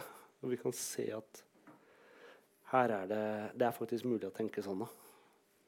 Det er mm. kanskje litt søkt i og med at jeg ikke har noe eksempel, men jeg prøver å skrive en roman som er sånn. Men jeg har ikke fått det helt til ennå. Jeg syns jo Liten kokebok eh, har fått til det, da. På, ja, men jeg håper å få det til bedre. ja. Og når kommer den uh, romanen? Ja, det vet jeg ikke. ja, Da tror jeg vi er nødt til å runde av. Vi er litt over tidsskjemaet. Men mm. er, er, det åpning for spørsmål hvis det er noen, eller har vi tid til det? Ja, vi, vi, tar, vi kan ta to spørsmål hvis, hvis, det er noen. Og hvis uh, de som eventuelt måtte ha spørsmål, kan formulere spørsmålet ikke som et innlegg, men som et uh, kort, fyndig spørsmål. Ordet er fritt. Ja. Det var litt fristende til å utfordre forfatterne. Altså, menneskene har jo trodd på dommedagsprofetier i alle tider. og Det var på en veldig sterk fortelling som på en måte har gjengått i hele menneskehetens historie. Men du startet med å si at uh, si, de som kommer etter oss, de får det mye verre enn oss. sånn at Det var en veldig pessimistisk tone i ditt åpningsforedrag. Men jeg vil jo si den, det skiftet jo nå mot slutten her, at du får på en måte en mye mer optimistisk tone. Ja, og jeg tror faktisk det at uh, altså, Vi har nok av dommedagsprofetier. Vi må på en måte over i dette. og i, Der ligger jo et helt sentralt ord som har med solidaritet å gjøre. Å gjenskape og gjenfinne en eller annen type solidaritet som på en måte bygger opp en, en mulighet for, eh, for, menneskeheten. Hvis vi tror på at menneskeheten bør overleve. Ja. Takk skal du ha.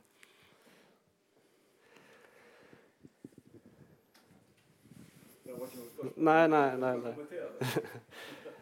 Jeg, jeg må høre hva han eh, Ja, jeg, eh, jeg var nysgjerrig på om dere har eh, hørt eller eventuelt lest en bok av Amitav Ghosh som heter uh, 'The Great Arrangements'.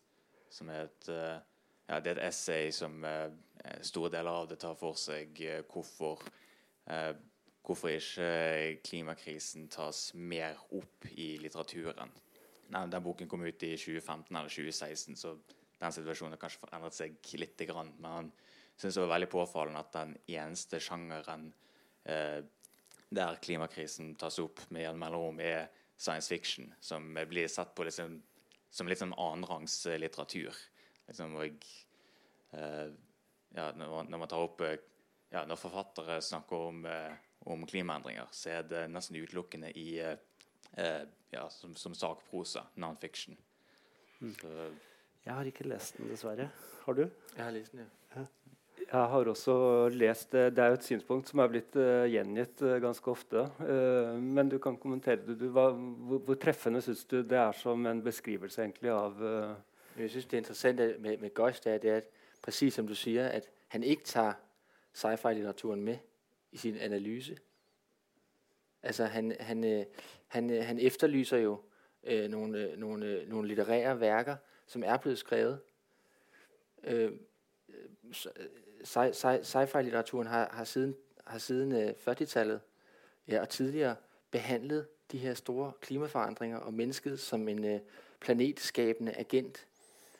Og han, øh, han forholder sig kun til den her højlitteratur i, i sin analyse. Det, det er min, det er min øh, øh, at, det, at det, han skriver det til London Review Book eller, eller en af de, og øh, jeg, jeg, for mig er den et billede på en bestemt form for øh, sådan klub eller fin, fin litteratur, eller sådan, øh, at, det, at, øh, han, han, han, han ikke forholder sig til den litteratur, der faktisk foreligger. Mm. Science, science fiction.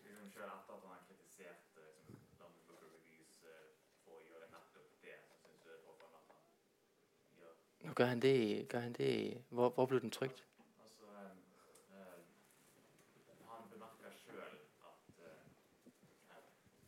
Eh, Gosh bemerker uh, sjøl at eh, eh, science fiction-litteratur som tar for seg klimaendringer, ikke blir snakket særlig om. Eller at eh, ja, han gjør for så vidt det samme ja, Han analyserer ikke science fiction-litteratur sjøl i, i det essayet. Men han eh, bemerker at uh, det gjør ingen andre heller.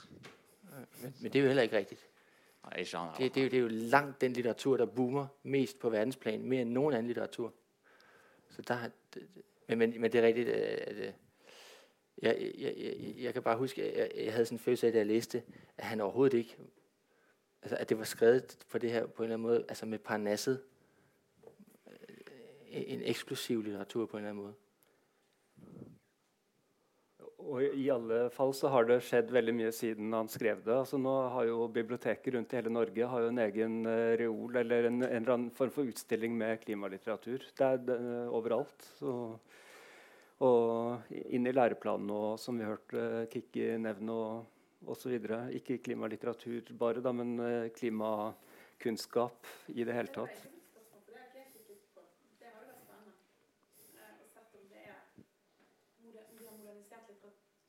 Mm. Spørsmål. Men det er egentlig på en måte et slags spørsmål. da. For det må vi jo det må vi gå inn og sjekke.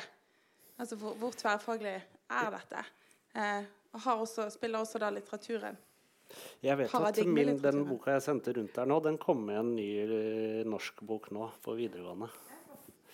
Så det var Ja. Ja. Da runder vi av, og så er det Håper jeg at eh, alle har eh, kost seg og kommer tilbake på det neste arrangementet i denne serien, som er når Margunn, hvilken dato Nå spør du veldig godt, Espen. Det, mm, jeg har det ikke present, men det er ligger informasjon ute på nettsiden til Litteraturhuset i Bergen. Det, Det gjør det. Ja.